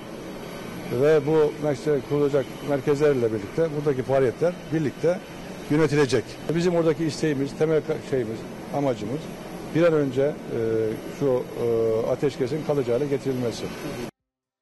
Nedret Hanım günaydınlar. Nedret İplikçioğlu diyor ki bu dönemde grip olmak riski arttırır mı? Az sonra hocamıza soracağım sorulardan bir tanesi de bu olsun. Griple nasıl benzerlikler gösteriyor ya da göstermiyor? Ee, yine sorularımız arasında yer almakta. Şimdi benzin motorunun altına geriledi. Benzin fiyatlarının 35 dolara kadar düşmesi benzine bir indirim daha getirdi. Benzinin litre fiyatı 51 kuruş daha inerek 5 lira 53 kuruş seviyesine geldi. Benzinin litresi 5 lira 67 kuruş olan motorunun altına indi söyleniyor ama bu arada motorinde de bir indirim bekleniyor. Belki yarın sabah sizlere bu indirim haberini de vermiş oluruz. Hemen bir gidelim. AVM'ler bir ekonomiye bakacağız, esnafın durumuna bakacağız. Mesela kapalı alanlarda olunmaması gerekiyor. E, kapalı alanlardan bir tanesi AVM ve AVM'ler esnaf biz ne yapacağız diyor. Bu konuda bir adım atılması gerektiğini söylüyor. Ee, esnaflar odası da söylüyor. Bir yandan da muhalefet bir ekonomi paketiyle acaba esnafımızı özür dilerim esnafımızı tekrar bir ayağa kaldırabilir miyiz bunu soruyorlar. Alışveriş merkezleri Girdiğim gibi çıktım. neden hızla çıkma gereği duydunuz? E, virüs yüzünden e, kendimizi bir şekilde korumamız gerekiyor. Koronavirüsünden ziyade koronavirüsü evhamı yüzünden aslında ciddi bir kriz var. Koronavirüsün Türkiye'de görülmesinin ardından kişisel tedbirler de arttı. Risk almak istemeyenler özellikle kapalı ve kalabalık mekanlara girmek istemiyor. Bunların başında da alışveriş merkezleri geliyor. Ya hiç gelmiyorlar ya da hızlıca işlerini halledip uzaklaşıyorlar. Bir süre e, eğer çok önemli işlerimiz olmazsa mesafe koyacağız. Tüketici alışveriş merkezlerine girmeye mesafeli, esnafsa işlerini döndürememekten endişeli. Zaten çok yoğun olarak AVM'lerde mevsimsel olarak gribe karşı yapıyorduk. Bu sefer e, daha çok koronaya karşı önlem içerebilen maddelerle yapmaya başladık. Normalde hınca hınç kalabalık ama son iki gündür beri gördüğüm sadece alışveriş merkezine ekmeğini alıyor, makarnasını alıyor sonra dönüyorlar. Alışveriş merkezlerinin en kalabalık noktalarından biri çocuk oyun alanlarıdır ama koronavirüs haberiyle birlikte çocuk oyun alanları da boş kaldı. Torunu alıp alışveriş merkezine bir oyun salonuna götürür müydünüz normalde? Hayır hayır normalde götürürdüm ama evde oturacağız. O kesin.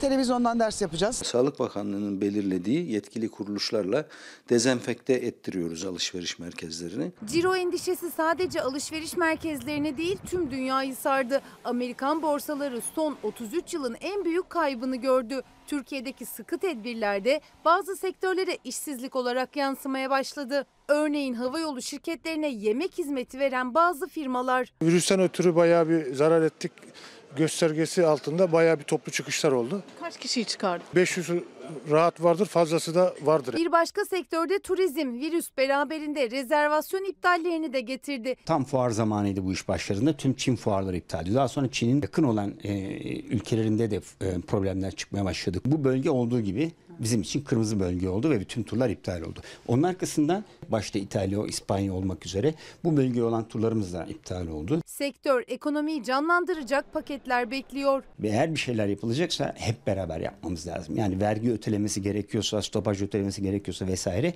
bunu hep beraber yapmak lazım. Doktor Oğuz Demir şu anda stüdyomuzda misafirimiz. Hocam bütün misafirlerimize Evet, korona. ikram ettik.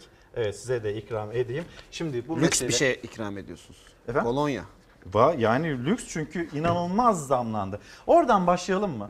Yani hani fırsatçı diyoruz da bu aslında ahlaksızlık ya başka bir şey değil. E tabi yani işte maliyetler öyle sıçramış değil. Ortada bir tamam bir talep var ama yani 3 katına 4 katına fiyatların çıkmasını gerektirecek Kimin yaptığı belli değil mi? E tespit edebilirler yani bunu. Tespit ediyorlar da zaten şu an. Hali hazırda işte MASA'nın yaptığı çalışmalar var, bakanlığın yaptığı çalışmalar var. Aslında en- en büyük görev de tüketiciye düşüyor. Kendisi tespit ettiği an iletmesi lazım. Yani özellikle bazı alışveriş sitelerinde işte şöyle uyanıklıklar var. Kodları, ürün kodlarını değiştirip sanki aslında fiyat arttırmamış gibi davranan ara satıcılar var. Yani bütün bunlar tespit şey? Şimdi birçok online satış sitesi Evet. aslında bir pazar yeri gibi düşünün. Ben götürüyorum oraya ürünlerimi satıyorum. Ee, ürünün kodunu değiştiriyor. Yani başka bir ürün satıyormuş gibi. Sanki o fiyatı değiştirmemiş de o ürün bitmiş X ürünü. Hmm.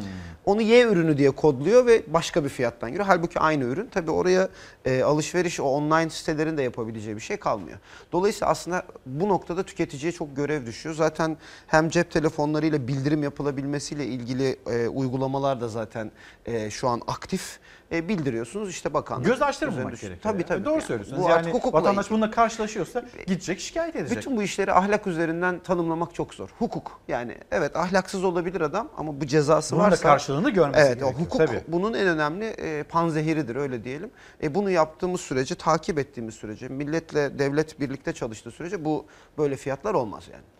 Gördünüz az önce AVM'ler oradaki durumu. Bir yandan esnaf biz ne yapacağız diyor. İşte insanlara e, bütün dünyada tablo bu. E, herkese biraz daha içinize kapanın denilmekte. Herkes bir önlem almaya çalışıyor. Peki hani İşte çok zor bir dönem. önlem. İşte çok zor bir dönemden geçeceğiz. Şimdi bir taraftan düşünsenize e, alışveriş dur- duracak. Biz ne yapmaya çalışıyorduk bu korona krizi haline dönmeden önce? Talebi arttırmaya çalışıyorduk. İşte kredileri düşürüyorduk, faizleri düşürüyorduk ki işte piyasa canlansın, iş yapsın şirketler. Dolayısıyla ekonomi işte büyümeye başlasın. Hani bir, bir yandan hükümetin izlediği en azından temel taktik buydu. Şimdi artık siz ne kadar para verirseniz verin yani tek başına faizle çözülebilecek bir ortam yok. Çünkü insanlar dışarı çıkıp e, işte tüketmeyecekler. Evlerinde duracaklar. Bugün e, bu salgını çok yaygın yaşamış Çin'e, İtalya'ya, Güney Kore'ye dönüp baktığımızda yani sokaklar neredeyse bomboş. Yani dün işte Roma'ya Roma'ya bakıyorsunuz yolda yürüyen insan yok artık. E, şimdi bu bizde de bir yerde insanlar bu tedirginlikle artık evlerine kapanıyorlar. Esnafın hali maalesef işte sıkıntılı. Ee, üreticinin hali sıkıntılı. Şimdi üretici tek taraflı sadece şey yaşamıyor. Yani o taleple ilgili sorun yaşamıyor. Ürün tedarik etmekte de güçlük Hocam çekiyor. çok özür dilerim. Hüseyin sana zahmet Yurt Gazetesi'nin manşetini bir getirebilir misiniz? Buyurun hocam devam Yani edin. dolayısıyla e, aslında biz de çok e, böyle e, bir anda hiç öngöremediğimiz çok daha zorlu bir krizin ortasına düşmüş olduk. Yani şu anda işte zaman zaman e, bizler fikir beyan etmeye çalışıyoruz. İşte finansçılar fikir beyan etmeye çalışıyor. Borsalar ne olacak? İşte ekonomi ne olacak? İşsizlik ne olacak? Enflasyon ne olacak? İnanın şu anda hani bunu modelleyebilecek, bunu ya şöyle olacak diyebilecek bir halimiz yok. Çünkü bir beklenti var, iyimser beklenti. İşte bu iş Mayıs sonu, Haziran sonu çözülür mü? Bu çözülürse evet yani belki yeniden bir normalleşme süreci hızlı bir şekilde gündeme gelebilir. Çünkü insanlar 2-3 ay kapan, kapandılar. Evet. Tüketim olmadı. işte şirketler üretim yapamadı. Turizm durma noktasına geldi. Bakın ne diyorlar? Bir anda açılırsa... Ekonomik önlemler paketi açıklanmalı. İşte İyi Parti'nin, muhalefetin e, çağrısı. Ekonomi Politikaları Başkanı Cihan Paçacı dün kameraların karşısındaydı. Ve e, diyor ki Çin'in Wuhan eyaletinde ilk olarak tespit edilen koronavirüsün Güney Kore, İran, İtalya gibi ülkelerde ağır tahribatlar yarattı. Bizde de 11 Mart'ta çıktı. Pandemi ilan edildi. Evet. Yaygın, dünya çapında bir salgın. Ve bizim esnafımızı koruyabilmek için bir ekonomi paketine ihtiyacımız var deniliyor. E çünkü korumazsa yani şimdi şöyle bir şey olacak. İş yapamıyor. İş yapamıyorsa ne, ne yapacak bu adam? En önemli maliyetleri. İşte insanları ya ücretsiz izne gönderecek. Yani ücretli izni ne kadar kaldırabilir? Özellikle küçük orta boy işletmelerden bahsediyoruz. İş yokken ortada. E, ücretsiz izne gönderecek. Borçları var, borçlarını ödemesi gerekecek. E bütün bu süreç iş dönmediği sürece gerçekleşmeyecek. Şu an yapılması gereken ya da bütün dünyada konuşulan şey şu. Biz bu şirketleri nasıl ayakta tutabiliriz? Çünkü şöyle bir şey yaşarsak, kendi hallerine bırakırsak birçok şirketin bir anda çok zor durumda kaldığını, kapandığını görebiliriz. Yani işte az önce AVM'lerden bahsediyoruz değil mi? Şimdi AVM'de bir AVM'de 50 tane, 100 tane mağaza var. E, Evet. kimse gitmiyor. E, her mağazada 5 kişi çalışıyor. E, bir anda bir bakacaksınız o 250 kişi çalışmıyor. İş yok. Çünkü iş yok ortada. O zaman gelelim bir işsizlik rakamlarına. Bir işsizlik rakamlarını paylaşalım ee, izleyicilerimizle. Yani gündem korona olunca bir daha öncesinde enflasyonu da konuşamadık belki ama şimdi en azından bir hafif bir soluk bulduk. Bir işsizliği konuşalım lütfen. İşsizler ordusuna 92 bin kişi daha katıldı. Türkiye'deki toplam işsiz sayısı 4 milyon 394 bine ulaştı. TÜİK'in Aralık ayı rakamlarını açıklamasıyla birlikte 2019 yılının işsizlik tablosu da ortaya çıktı.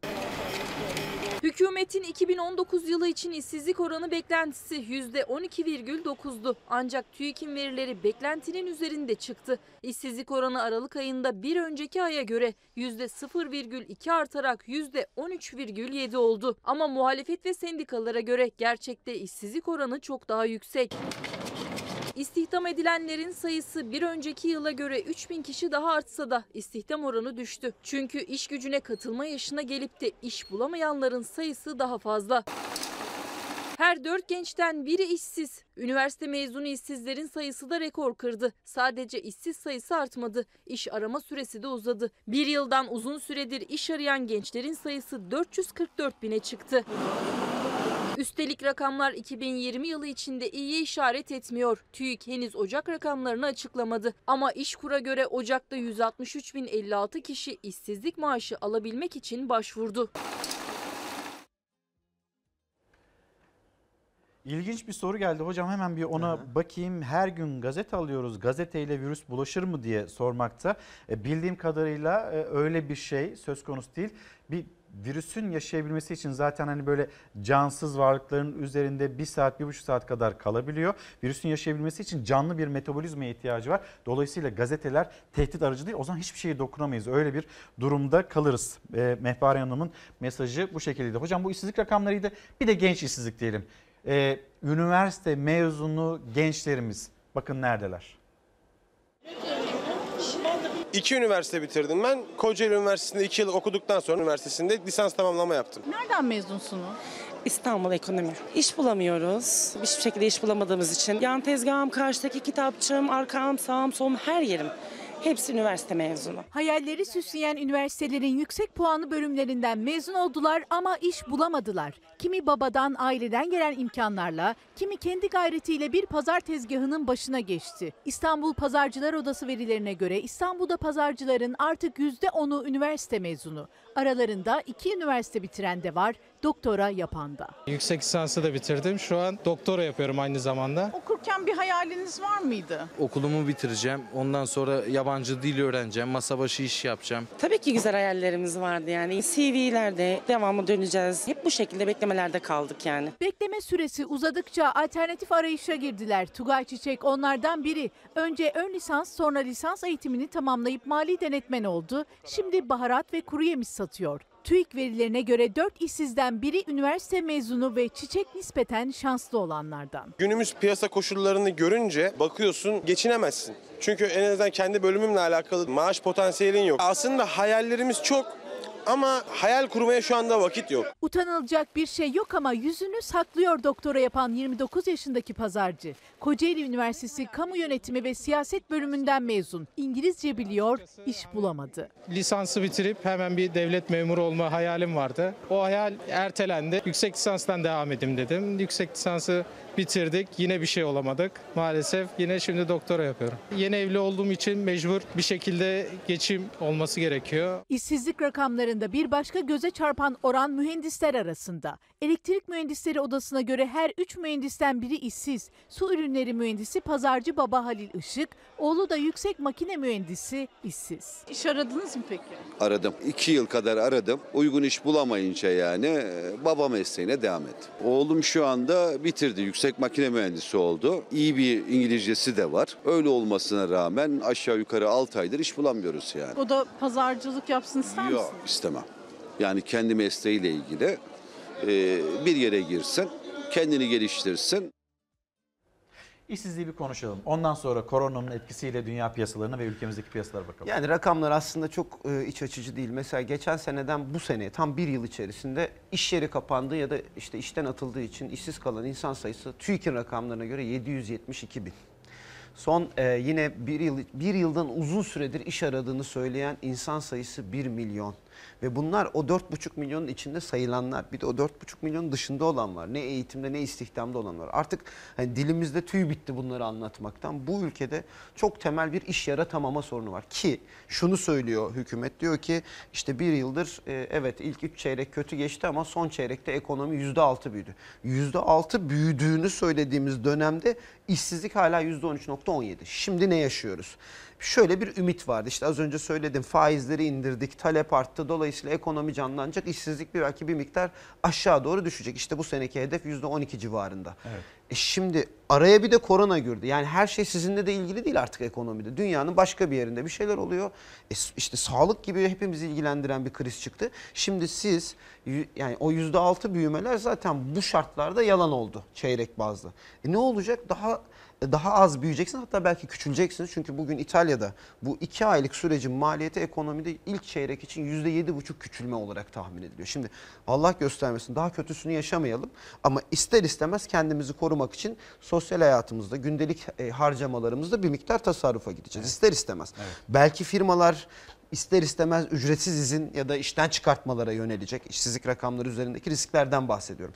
Bütün bunlar ortaya çıktığında bizi daha düşük bir büyüme Hani o her şeye rağmen işte faiz indiriyoruz. Gerekirse dolar yükselsin, altın yükselsin, işte e, euro yükselsin. Ama biz ekonomiyi büyütelim en azından iş yaratalım demişti e, ekonomi politikasını yapanlar. Şimdi o, o da çalışmayacak. Yani faizin inmesi de bir şey ifade etmiyor. Çünkü insanlar tüketme yeteneğini, isteğini kaybettiler.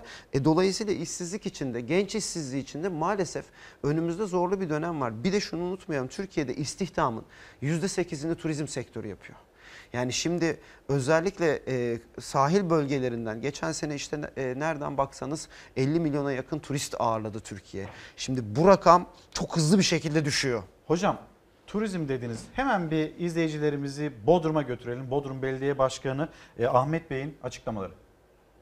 Rezervasyonlarda belli bir yavaşlama var ama eskiye dönük bir iptal henüz olmadı Bodrum açısından. Dünyayı etkisi altına alan koronavirüs yaz sezonu yaklaşırken turizmi etkiler mi? Türkiye'nin gözde turizm adresi Bodrum'dan ilk nabız geldi. 2020 yılının çok daha etkin geçeceğini e, öğrenmiştik. Ancak tabii ki bu şu anda koronavirüs e, dolayısıyla uluslararası dolaşımda ve seyahatte bazı sıkıntılar mevcut. Turizmin en gözde adreslerinden biri olan Bodrum'un belediye başkanı Ahmet Aras, koronavirüsün Bodrum'da turizme olası etkisini anlattı. Daha önceden yapılan rezervasyonların iptal edilmediğini söyledi. Beklentimiz bizim çok yüksekti. O beklentimiz e, karşılanmayacak. Her yıl sezonu %100 dolulukla geçiren Bodrum bu sene %70 ile temkinli bir rota izliyor. İlk tespitler 2020 yaz dönemi için yapılan tatil rezervasyonları eskiye göre yavaşladı. Ama turizmci yeni gelecek turistten daha çok önceden rezervasyonunu yaptırmış turistten umutlu. Yeni rezervasyonların geleceğini ben düşünmüyorum. Ancak mevcut rezervasyonların iptal edilmemesini aslında burada çok önemli görüyorum. Yurt dışına gidemeyen yerli turizmde e, Bodrum'a doğru yönlenebilir. İngiliz vatandaşlarının e, yaz tatillerini Türkiye'de geçirebileceklerini belirten bir açıklama yayınlandı. Bu da bizim için çok çok önemliydi. Sezonda nüfusu kat be kat artan turist yoğunluğu yaşayan Bodrum'da da koronavirüs için önlemler de çoktan alınmaya başlandı. Ortak alanları gece saatlerinde bütün ekiplerimiz dezenfekte edecek. Ortak alanlardaki havalandırma çalışmaları ve oraların dezenfektasyonu ile ilgili çalışmalar yapıyoruz. Hocam turizmle ilgili açıklama buydu. Piyasalara dair cümlelerinizi isteyeceğim ama önce izleyicilerimizle paylaşalım rakamları. Rekor üstüne rekor kıran altın koronavirüs salgını nedeniyle düşüşte. Gram altın 2 haftada 13, çeyrek altın 9 lira geriledi. Koronavirüs nedeniyle alınan tedbirler durma noktasına gelen ülkeler arası ulaşım ve ticaret güvenli yatırım limanı olarak görülen altına yöneltti yatırımcıları. İlgi bir an yükseltse de altını bu yükselişini koruyamadı. Günden güne eriyen altın fiyatları hissedilir ölçüde düştü.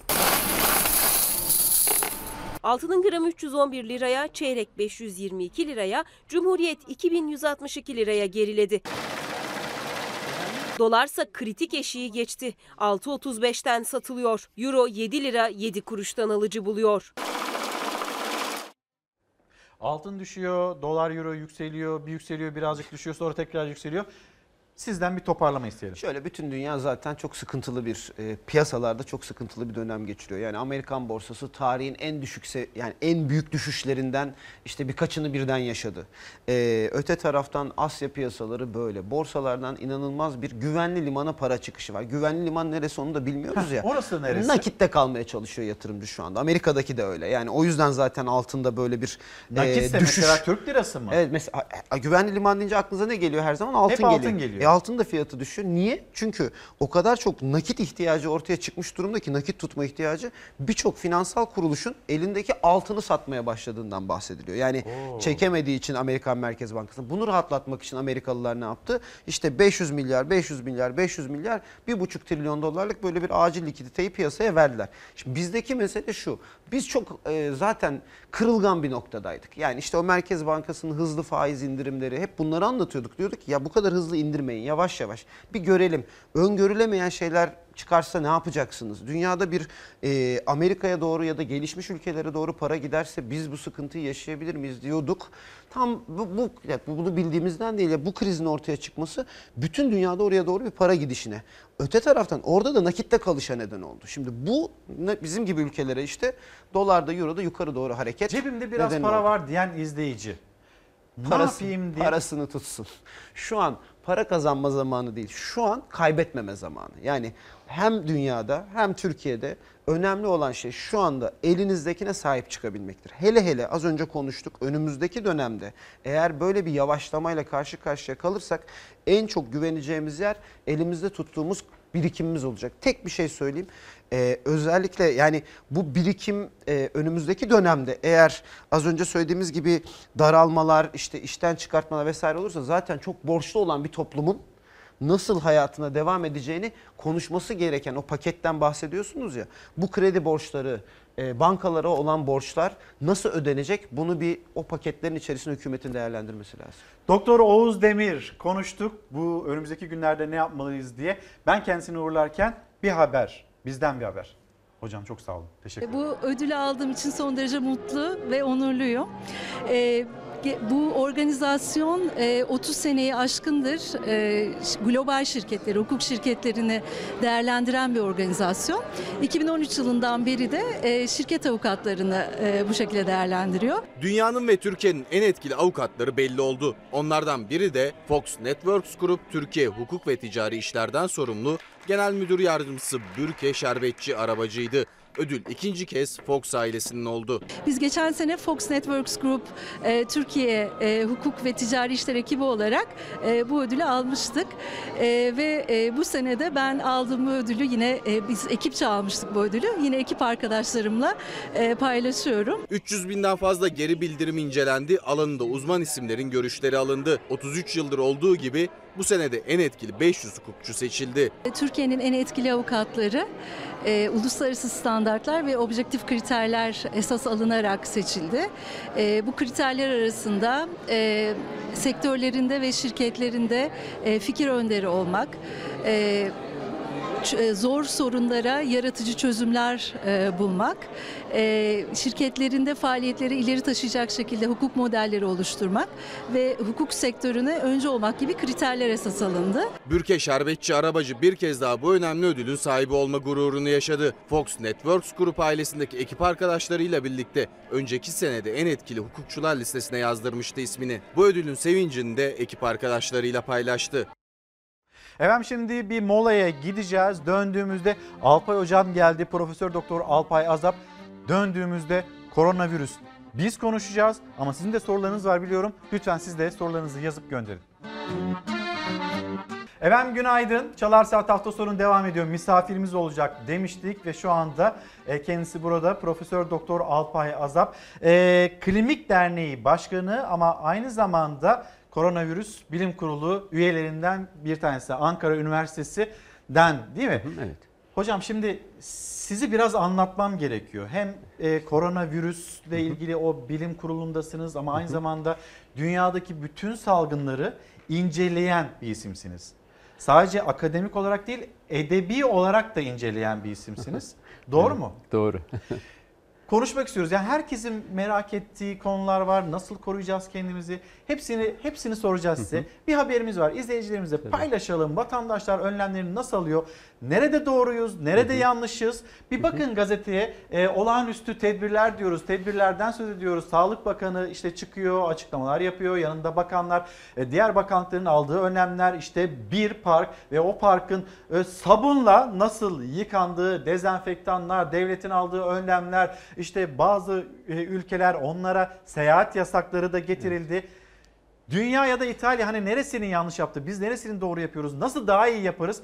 Konuşacağız. Bir bakalım bizim vatandaşımız ne yapıyor?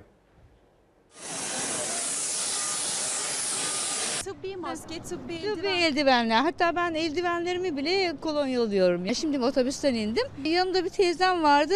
Aman dedi bunların hepsi boş dedi.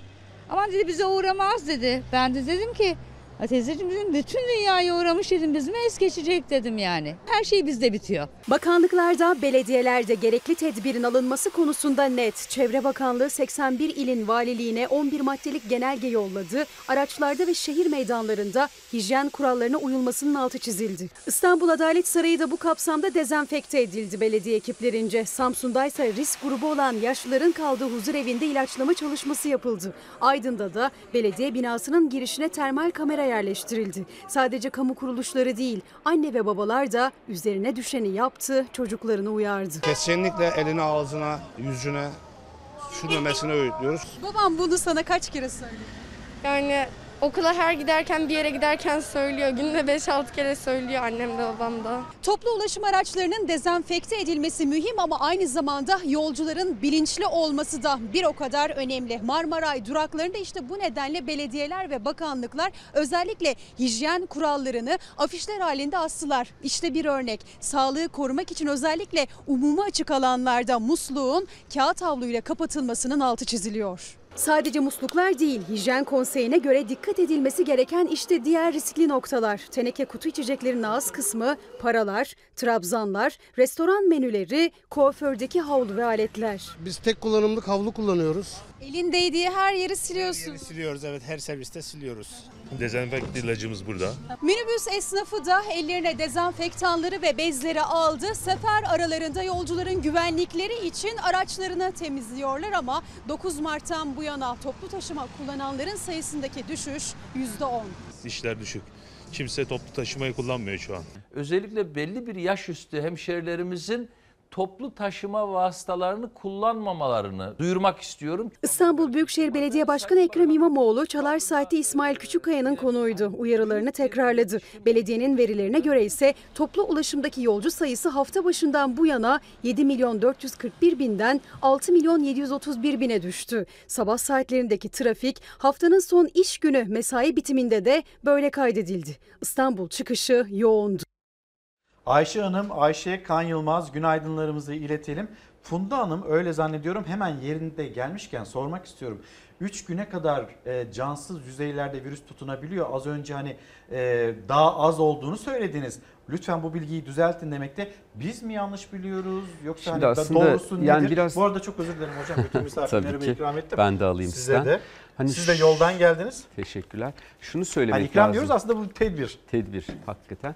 Şimdi şunu söylememiz lazım. Ee, bu virüsün dış ortamda cansız yüzeylerde nasıl kaldığı aslında çok teknik bir konu. Yapılan bilimsel çalışmalarda 7 güne kadar gösteren de var. Daha da uzun gösteren var. Ama bu çalışmalarda virüsün genetik materyaline bakılıyor. Gerçekten orada canlı virüs var mı ve bulaştırıcı mı ona bakılmıyor. O yüzden saatlerce diyoruz biz. Yani 24 saati geçmediğini düşünüyoruz cansız yüzeylerdeki virüsün bizim açımızdan oluşturduğu riski. Ve bu da şöyle de düşünülmesin. 24 saat boyunca çok yüksek risk var. 24 saatte birden sıfırlanıyor. Öyle değil. Giderek saatler içerisinde canlı kalan virüs sayısı giderek azalıyor aslında. O yüzden biz hep birkaç saat diyoruz. Birkaç Risk. saat. Evet. Birkaç saat. Ama o üç gün 24 değil. saate kadar uzayabilir. Hani ben de, denebilir. Ben de 1 saat 2 saat demiştim. Onu biraz Hı hı. daha arttırmak Biraz gerekiyor. daha Üç günde değil onu da düşürmek Evet. gerekiyor. İşte tüm bunlar hani bilmediklerimizi sorabilmek için sizi davet ettik. Hocam sağ olun Ankara'dan kalktınız, kırmadınız, uçağa bindiniz, geldiniz.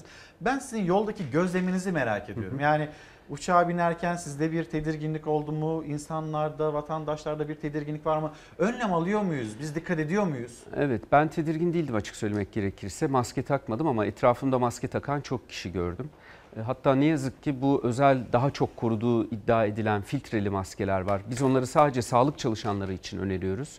O özel maskeleri. O maskeleri takan kişilerle Burayı de karşılaştım. düzeltelim o zaman. Burayı mutlaka düzeltmeliyiz. Biz bir kere zaten o basit tıbbi maskeleri bile sağlıklı kişilere önermiyoruz. Çünkü o maskeler bizi hasta bir insanla yüz yüze bir metreden daha yakın bir mesafede 15 dakikadan uzun süre kaldığımızda bizi korur. Bunun dışında ekstra fazladan bir koruma sağlamıyor. O yüzden sağlıklı kişilerin önemli bir kısmının e, bu maskeyi normal günlük hayatında kullanmasına gerek yok. Basit maskeyi.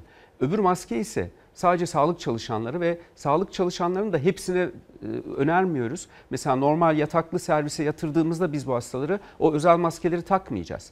Ancak bu hastaları yoğun bakımda cihazlara bağlı bir şekilde izlemek gerektiğinde o zaman aerosol dediğimiz çok daha küçük parçacıklarla virüs bulaşabildiği için bizim o maskelere sadece ve sadece orada ihtiyacımız var. Ve üstelik bunlar pahalı maskeler, zor bulunuyor. E, vatandaşlar beni arayıp ben eve 15 tane aldım yeter mi daha alayım mı diye soran tanıdıklarım var benim.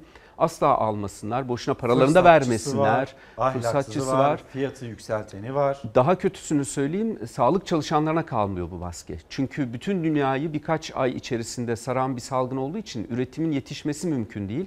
Bu kadar e, özel maske e, kullanımına. Dolayısıyla mesela Amerika'nın şu an en büyük sorunu sağlık çalışanlarına o özel maskeyi bulamamak. Yoğun Az bakımda önce bir izleyicimiz yazmış. Sağlık çalışanı kendisi. Maske bulamıyoruz, dezenfektan bulamıyoruz. Mesela Kesinlikle. hastalar geliyor. Giderlerken hastanedeki o dezenfektanları da alıp gidiyorlar. Alıp Sağlık gidiyorlar. Bakanlığı'na sesini duyurmaya çalışıyor. Kesinlikle böyle şeyler lütfen yapmasınlar. Maskeleri sağlık çalışanlarına bıraksınlar. Yoksa hastalanan kişilere sağlık çalışanlarının te- e, tedavi verme şansı, bakım yapma şansı olmayacak. Amerika sırf bu yüzden inanın sağlık çalışanlarını koruma önlemlerinde değişikliğe gitmek zorunda kaldı. Maske bulamadığı için. Bu ciddi bir sorun. Lütfen maskeleri sağlık çalışanlarına bırakalım. Hocam o zaman hemen bu kadar maskeyi konuştuk. Kara borsa, kara borsacılar, fırsatçılar, ahlaksızlar ne yapıyor? Bir paylaşalım izleyicilerimizle. Sonra da dönüşte bu grafik nedir? Sayın e, Azap Alpay Hocam bize bunu anlatacak. Cep spreyinden aldım kolonya. Normalde 3 lira olan bir şey ama 15 liraya aldık. Bunu fırsata çeviriyorlar. Yazık günah bize de. Gereksiz bir kaos oluştu. 50 kuruşluk maskeler şu an 10 liradan fiyat veriliyor. Kolonya, maske, dezenfektan ya bulunmuyor ya da fırsatçıların yükselttiği fiyatlarla birlikte değerinin neredeyse 5 katına satılıyor. Temel gıda ürünleri için de denetimler sürerken piyasaya girmeye çalışan bazı merdiven altı üreticiler eczanelere hiç de hijyenik olmayan bazı ürünleri pahalıya satmaya çalışıyor. Maske? Maalesef. Kolonya? Maalesef. El dezenfektanı?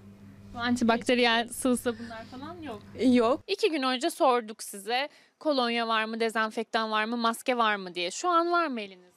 Hala yok. Bir sürü kişi gelip artık bunların üretimine geçtiğini ve fahiş bir fiyatlarla bize bir tekliflerle geliyorlar.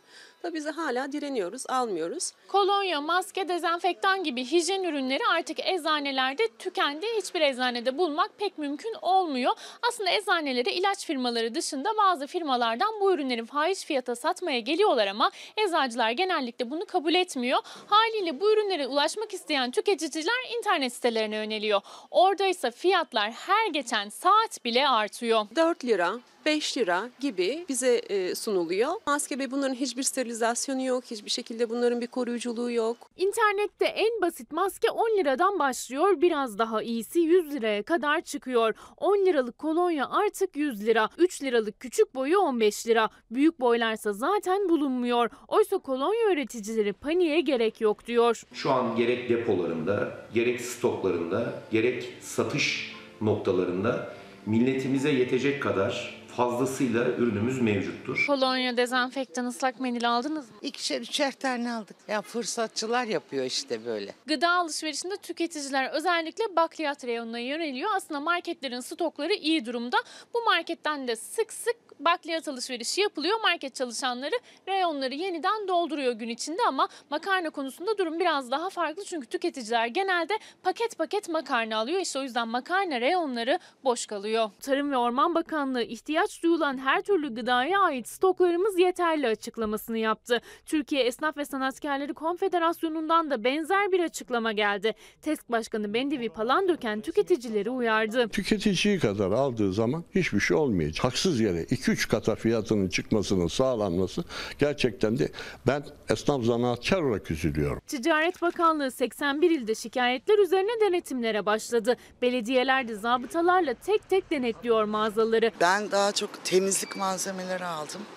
Kağıt havlu, tuvalet kağıdı, deterjanlar aldım. İhtiyacınızdan fazla aldınız mı? Her zaman bir kutu aldığımı iki kutu aldım. Şimdi yukarıdan bülten sorumlumuz e, söylüyor Öznur Turaloğlu Seyhan. Dün gittim 50'li paket maske 140 liraydı. Sabah gitmiş. Akşam bir daha uğramış hani ne olur diye bütün o hani bir panik Hı hı. havası var ya Hı hı. ona kapılmış. Bir daha gittim diyor. Tanesini 10 liradan satıyorlarmış. 50'li pakette o tek tek maskeleri Evet. 10 liradan satmaya başlamışlar. Evet. Ama burada net bir cümlesi var bunun. Gerek yok. Sağlıklı kişilerin korumak için maske kullanmasına gerek yok. Ancak hastalık belirtileri olursa herhangi bir gribal hastalık, nezle gibi bir hastalık bile olsa o zaman çevremizdekileri korumak için bu maskeye ihtiyacımız var. Bir de çok özel grupların mesela kanser hastaları, bağışıklık sistemi ciddi şekilde baskılanmış kişiler, ağır akciğer kalp hastalığı olan ve ileri çok ileri yaştaki kişiler kalabalık ortamlarda uzun süre kalacaklarsa ki aslında gitmemelerini öneriyoruz bu dönemde ama mutlaka gideceklerse bir tek onlar takabilir. Risk Onun için asla gerek hocam yok. söyleyelim mi? Risk gruplarını bir anlatır mısınız? Tabii tek ki tek bu bir- hastalıkta bir daha söyleyelim. bu hastalık özellikle 60 yaşın üzerindekilerde ağır seyredebiliyor. Her bir yaş %10 arttırıyor ağır seyretme ve ölme riskini. 80 yaşın üzerinde ölüm riski %15'e kadar ulaşabiliyor. Onun dışında ağır kalp akciğer hastalığı olan kişiler, hipertansiyonu olan kişiler ve bağışıklık yetmezliği bas- olan, bağışıklığı baskılanmış kişilerde bu hastalık daha ağır öldürü seyrediyor. Bir de çok özel bir grubumuz var o da sigara içicileri. Sigara içicilerindeki ağır hastalık riski 14 kat daha fazla. 14 Bu- kat. Evet. Buradan en azından şöyle bir mesaj verebiliriz. Hani sigara bağımlısı vatandaşlarımız hiç olmazsa bu salgın döneminde bunu azaltmaya, olabiliyorsa bırakmaya çalışsınlar. Çünkü sigara bizim savunma hücrelerimizi, özellikle e, solunum sistemindeki savunma hücrelerimizi, bariyerlerimizi ciddi şekilde hasara uğratıyor. Şimdi karşımızda bir e, tablo var. Bu tabloyu hocam buyurun bir anlatır mısınız bu tablo Şimdi nedir? e, aslında bu ülkelerdeki vaka sayısını gösteriyor. 100 vakaya ulaştıktan sonra şu alt köşede 100 yazan vaka sayısı. 100. vakayı bulduktan sonra... Ha, Türkiye şu anda neden yok? Çünkü 100 Çünkü, vakaya evet, ulaşılmadığı için ulaşılmadığı yok. için yok. Ee, 100. vakaya ulaştıktan sonraki günlerde vaka sayılarındaki artışı gösteriyor bu grafikler. Çok önemli bir grafik bu. Belki bu e, programdan bu grafik akıllarında kalırsa çok iyi olur. Şimdi Türkiye'nin şöyle bir şansı oldu. Alınan ciddi önlemler sayesinde virüsün ülkeye gelmesi epeyce gecikti. Biz de bu sayede ülkelerin tecrübelerini gözlemleme şansı bulduk. Nerede ne oldu, ne hata yapıldı, ne doğru yapıldı onları görme şansı olduk ve onların hepsi bu grafiğe çok güzel yansımış durumda. İşte doğru yapan ülkeler. Bakın Hong Kong, Singapur ve Japonya bu e, salgını erken dönemde ciddi şekilde kontrol etmeyi başardılar. Vaka sayılarında ciddi artışlar söz konusu olmadı. Binlere bile ulaşmadılar. Singapur Yani 300'ün altında virüsün merkezine yakın olan ülkeler mesela Tabii. Hong Kong ya da Singapur, ya da Singapur. Japonya biraz daha yüksek seyrediyor belki diğer e, iki ülkeye Ama göre hala çok Japonya'da. az. Ama yine tabii ki daha Evet. az. Bizim hedefimiz bu ülkeler gibi olabilmek. Kesinlikle. Bunu başarmak. Bunu Mesela başarmak. İtalya hani ne oldu? İtalya nasıl böyle bu kadar e, tedbirsiz davrandı? Aslında hemen oraya gelelim. Her ülkenin farklı hikayesi var Evet. ama en önemli gözlemimiz şu.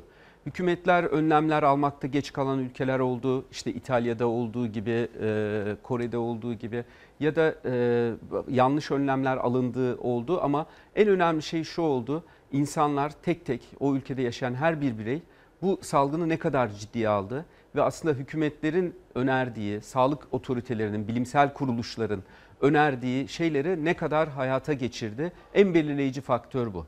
Eğer bunlar yapılmadığı takdirde yani toplumdaki her bir birey e, üzerine düşen sorumluluğu üstlenip bu salgından kendini korumadığı takdirde e, hükümet istediği kadar önlem alsın. İstediği kadar yapsın. Sonuçta İran gibi, İtalya gibi olmak kaçınılmaz. Mesela İtalya'da özür dilerim şöyle bir şey oldu. Ee, mesela maçlar seyircisiz oynansın Evet. dendi. Siz de haberlerde izlediniz belki. Maç seyircisiz ama stadın dışına 2000-3000 Seyirciler kişi toplanmış, toplanmışlar. Takımlarını destekliyorlar güya. Hani niye seyircisiz oynansın diyor hükümet. Hani birbirimize virüsü bulaştırmayalım diye. Siz niye o zaman oraya gidip hani o kadar kalabalık bir ortamı tekrar yaratıyorsunuz? Sizin söylediğiniz çok önemli bir şey var. Hani bu işte dezenfektanlarla ilgili, maskelerle ilgili sağlıklıysanız hiç gerek yok maske falan almanıza ki fırsatçılara da yol açılmasın. Su ve sabun. En önemli evet, şey bu. Aslında az değil mi? önceki haberde e, dezenfektanlarla Buyurun ilgili... hocam masaya doğru da Hı hı. geçiş yapalım. Şöyle e, dezenfektanlarla ilgili haber aslında biraz üzüyor e, el dezenfektanıyla ilgili bizi. Sanki tek temizleyici oymuş gibi, o olmazsa virüs ölmezmiş gibi. Hayır aslında bu virüs su ve sabuna son derece duyarlı. Biz bu el dezenfektanı ve kolonyayı su ve sabuna ulaşamayacağımız yerlerde sadece öneriyoruz. Dolayısıyla su ve sabun yeterli olduğunu bilelim. E, Ama toplu taşıma araçları olur, işte kalabalık mekanlarda hemen bir lavabo bulup el yıkama şansımız olmaz. O zaman onlara cebimizde belki Evet küçük bir şeye ihtiyacımız küçük. olur. Yoksa sürekli onu kullanmak zorunda değiliz. Bir de onlar bir miktar eli daha fazla kuruttukları için ellerimizi, ellerimize çatlaklar oluşmasına sebep olur. Ve bu çatlaklara yerleşen virüsler de kolay gitmeyebilirler. O yüzden ellerimize de bakmamız gerekiyor. Yani nemlendirici kremlerle gün içinde birkaç kere e, ellerimizi bu çok sık yıkadığımız günlerde, çok sık temizlediğimiz günlerde el bakımına da özen göstermemiz gerekiyor. Vakaya gelelim hocam. Yani Şimdi e, Türkiye'deki Bakanı- vaka sayısı evet, bir e, de sonra iki oldu sonra beş oldu. Hepsi bir hastayla ilişkili. Bir hasta dolayısıyla dört başka kişiyi enfekte etmiş Bu oldu. öykü bize bir şey anlatacak Bu değil öykü mi? bize çok önemli bir şey anlatıyor. Aslında biz bunun en başından beri farkındayız. Olay Çin'de de böyleydi. Diğer ülkelerde de hep böyle oldu aslında. Bir enfekte kişi bu hastalıkta biz ona çoğalma katsayısı diyoruz. 3 ila 5 kişiyi enfekte ediyor. Yani dolayısıyla bir hasta varken bir hafta sonra 5 oluyor. O 5 kişi de her biri 5 kişiyi enfekte ediyor. Bir hafta sonra rakam 25 oluyor. O bir hafta sonra o 25 kişi de beşer kişiyi enfekte edince 125 oluşuyor. Bu bulaşma hızı mı? Evet. Yani bir kişi ortalama 5 kişiyi enfekte ediyor diye düşünürsek eğer birinci ayın sonunda tek bir kişiden 625 kişi birden enfekte olmuş oluyor. Şimdi buradan da bize bu rakamın söylediği çok önemli bir şey var. Biz insanların kendilerini korumalarını çok istiyoruz. Çünkü hastalanmalarını istemiyoruz. Sıkıntıya girip hayatlarını kaybetme riskiyle karşı karşıya kalmalarını istemiyoruz ama şunu da unutmasınlar. Kendilerini koruduklarında sadece kendilerini korumuyorlar. Etrafındaki 5 kişiyi de koruyorlar. Ve e, daha fazla bütün toplumu aslında korumuş oluyorlar. O yüzden bu önlemlere uymak son derece önemli. Şunu unutmayalım. Biz kendimizi korurken etrafımızı da korumuş oluyoruz. Bu salgının toplumda yayılma hızını da ciddi şekilde azaltmış oluyoruz o zaman. Hocam Bu- matematiksel olarak o zaman inanılmaz böyle katlanarak giden bir e, Kesinlikle. virüsten bahsediyoruz. Kesinlikle. Zaten bütün ülkeler onu gördü. Bakın orada Merkel'in grafiğe geri dönebilirsek açıklama 60 milyonun %60'ı %70'i Hı hı. bu virüsle karşılaşacak dedi. Bizde şu anda vaka sayısı 5 ama öngörü Öngörü şöyle aslında e, genel bir öngörü var matematik hesaplamaya göre. E, Dünya nüfusunun %40 ila 50'si önümüzdeki bir yıl içerisinde bu virüsle karşılaşacak. Merkel %60-70 dedi. Bizde yüzde kaç olur? İşte bu yüzde kaç olacağını belirleyen şey tamamen bizim aldığımız önlemler olacak.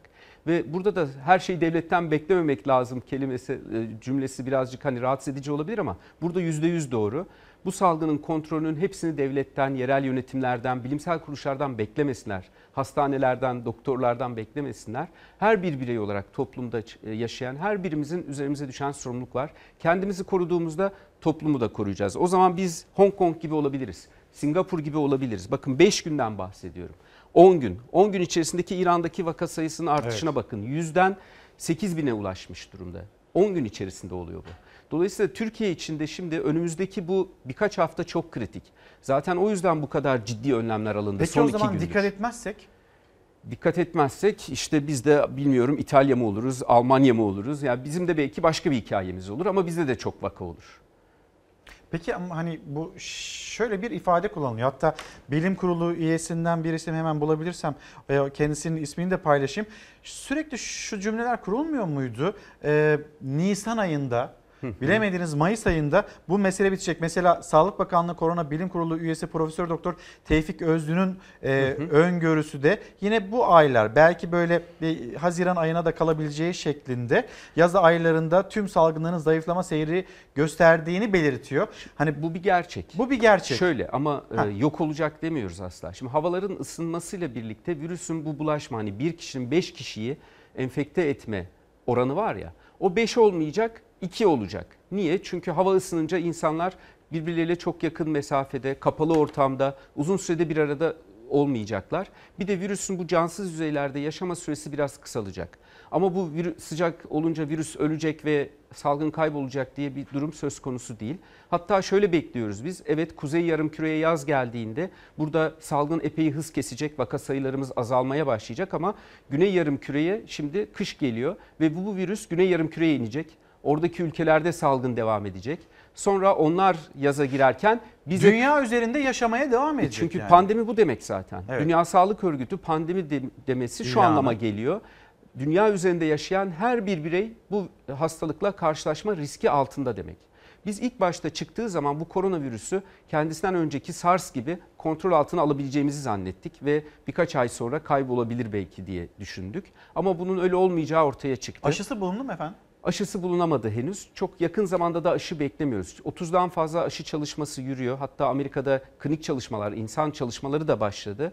Ama e, şöyle bir sıkıntımız var. Koronavirüslerin bağışıklık sistemimizle olan iletişimini çok bilmiyoruz. Ayrıntısına sahip değiliz. O yüzden de bir aşı geliştirilebilir evet ama mesela o aşı ne kadar koruyacak? Ve ne kadar süre koruyacak? Bunlarla ilgili ciddi şüphelerimiz var. O yüzden biz etkili bir aşının bir yıldan önce geliştirilemeyeceğini düşünüyoruz. Kit meselesi. Tanı kiti. Evet. Şimdi tanı testiyle ilgili aslında tabii Türkiye'de çok tartışılıyor. Dünyada da çok tartışılıyor. Az tanı testi kullanıyorsunuz, az test yapıyorsunuz meselesi. %99.6 e, oranında tespiti yapabiliyor. Duyarlılığı, Ha, duyarlılığı, duyarlılığı. yüksek. Ee, Ama sayıca az yapılabiliyor Türkiye'de ve aslında başka ülkelerin bir kısmında da böyle. Bunda sorun bu kitin üretilmesiyle ilgili bir sorun değil aslında. Kit deyince şöyle bir şey anlatalım hemen nasıl tanı konuluyor çok kısaca girelim.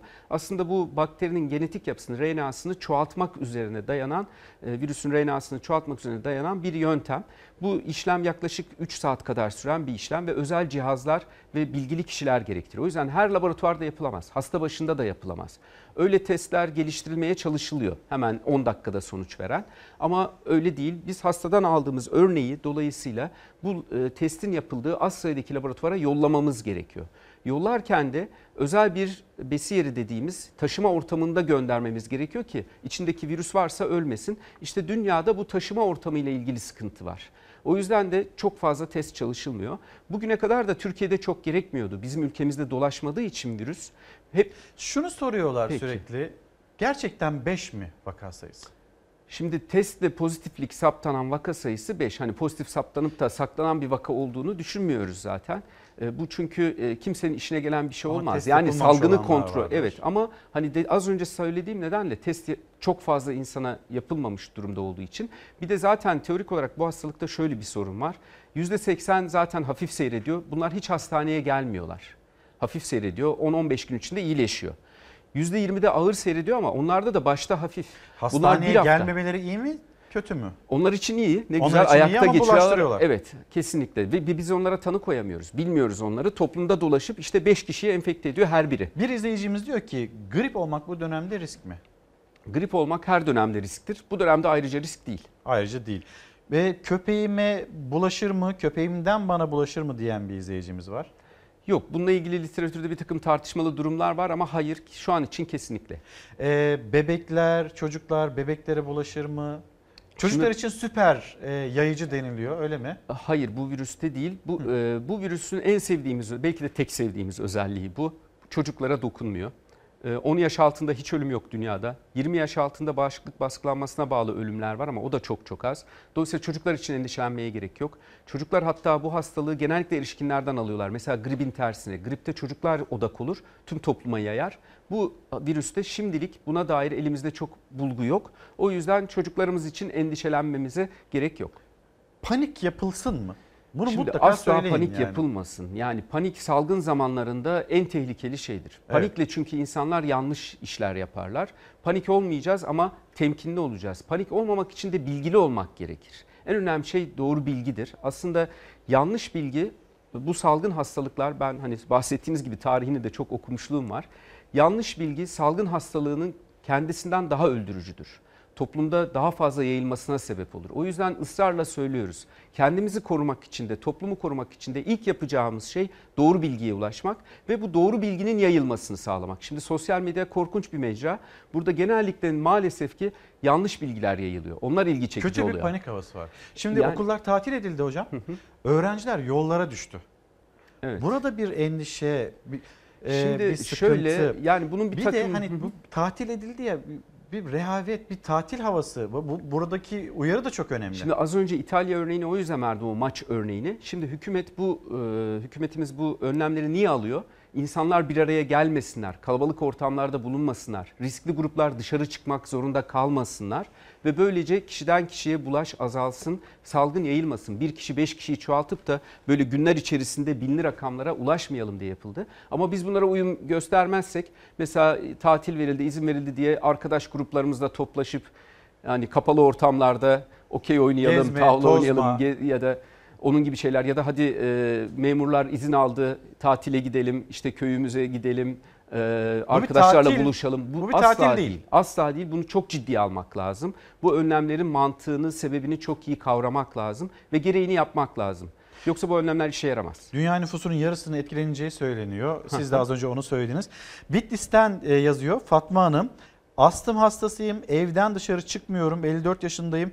E, doğru yapıyor muyum diyor. Toplu ulaşım araçları dezenfekte edildiğini söylüyorlar ama çok da emin değilim diyor kendisi. Şimdi Van Gölü şöyle- sormuş bir de Van Gölü ile ilgili işte hem tuzlu hem Evet. sodalı bu göl suyu iyi gelir mi diye sormakta.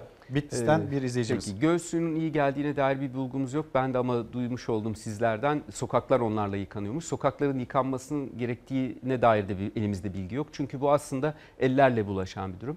İnsanların da çok gereksiz yere kendilerini strese sokup e, kendilerini evlere hapsetmesinin de bir anlamı yok. Onu da söylemek lazım. Mesela dış alanlar gayet güvenli. Bu hastalık dış ortamda, açık havada size bulaşma olasılığı yok. Yeter ki sosyal mesafeyi koruyalım. Yani 1 metre ya da kabaca 3-4 adım diyebiliriz buna. 3-4 adımlık bir mesafeyi insanlarla korursak ve en önemlisi el temizliği işte. Bu toplu taşıma araçlarındaki mesele de o aslında. Ben hep şey diyorum bu salgını en az hasarla atlatmak bizim ellerimizde.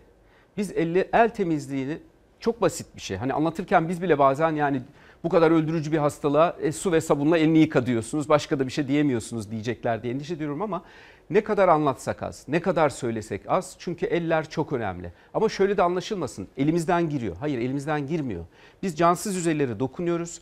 Bu virüsü alıyoruz oradan. Sonra yüzümüze gözümüze götürünce öyle oluyor bu. O yüzden yüzümüze gözümüze götürmemeye çalışacağız ve götürmeden önce temizleyeceğiz. Bu kadar. Hocam çok ama çok teşekkür ediyoruz. Sağ olun bizi kırmadınız geldiniz. Ben sizi uğurlarken sizlere büyük harbiyeliği izlettireceğim. 121 yıl evvel 1283 apolet numarasıyla ebedi başkomutanımız Gazi Mustafa Kemal Atatürk'ün e, Harbiye'ye e, girdiği gün e, biz Harbiyeliler olarak Atatürk'ün okuduğu Harbiye'nin İstanbul'da e, olduğunu e, bilinciyle e, bugün burada 121. yıl e, kutlamamızı gerçekleştirdik. Harbiyeliler en büyük harbiyeliği Gazi Mustafa Kemal Atatürk'ü Harp Akademisi'nde başlangıç yıl dönümünde unutmadı. Türkiye Emekli Subaylar Derneği İstanbul Şubeleri Atatürk'ü Harbiye Askeri Müzesi'nde andı. Atatürk ve silah arkadaşları e, vatanımızı işgalden e, burada aldıkları eğitimle kurtardılar. E, Kurtuluş Savaşı'nı burada aldıkları eğitim ve e, tecrübeyle örgütlediler ve gerçekler. Aynı sıralarda aldılar eğitimlerini. Hepsi Harbiyeli. Atatürk'ü yine Harbiye anılarıyla andılar. Başkomutanlığa giden yolda Atatürk'ün hayatını anlattılar. Mustafa Kemal akademideki ilk yılını anılarında şöyle anlatır. Erkane Harp sınıfına geçtik. Derslere çok iyi çalışıyordum. Bunların fevkinde olarak ben de bazı arkadaşlarda yeni fikirler peyda oldu. Memleketin idaresinde ve siyasetinde fenalıklar olduğunu keşfetmeye başladık. Türkiye Emekli Subaylar Derneği Onursal Başkanı Cumhur Evcil de yalnız bırakmadı Harbiyelileri. Temsili yoklamayı da o aldı. 1282. Burada. 1283.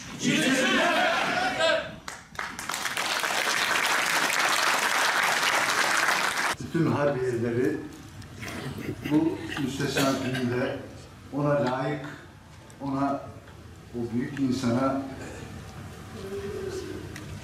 anma nasip olduğu için bugün andığımız için gerçekten çok mutluyum.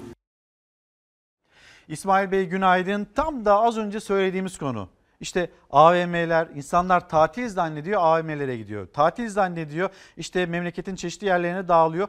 Bunun da önlenmesi gerekiyor demekte İsmail İpek'in mesajında. Ve bir izleyicimiz okulların tatiline fırsat bilenler İzmir Çeşme otobanında kuyruk oluşturdular. Koronavirüsü tedbiri tatile çıkmak mı? Bunu yanlış anlamışlar diyen bir izleyicimiz ismini yazmamış. Bir mola dönüşte buradayız. Efendim bir kez daha günaydın. Bugün 14 Mart ve 14 Mart biliyorsunuz tıp bayramı. Sağlıkçılarımız çok zor bir dönemde bayram kutluyorlar ve e, bütün dünyanın diken üstünde olduğu bir süreci yaşıyoruz. Koronavirüs bundan korunabilmek için, bundan korunabilmek için sağlıkçılarımız inanılmaz bir mücadelenin içinde bir kez daha hem kendilerine teşekkür ediyoruz hem de bayramlarını kutluyoruz. Bu arada sizi bir hemşireyle, Fatoş hemşireyle tanıştırmak istiyorum. Kendisi iyilik meleği gibi bir hemşire. Kendisi Ankara'da İbn Sina Hastanesi'nde çalışıyor.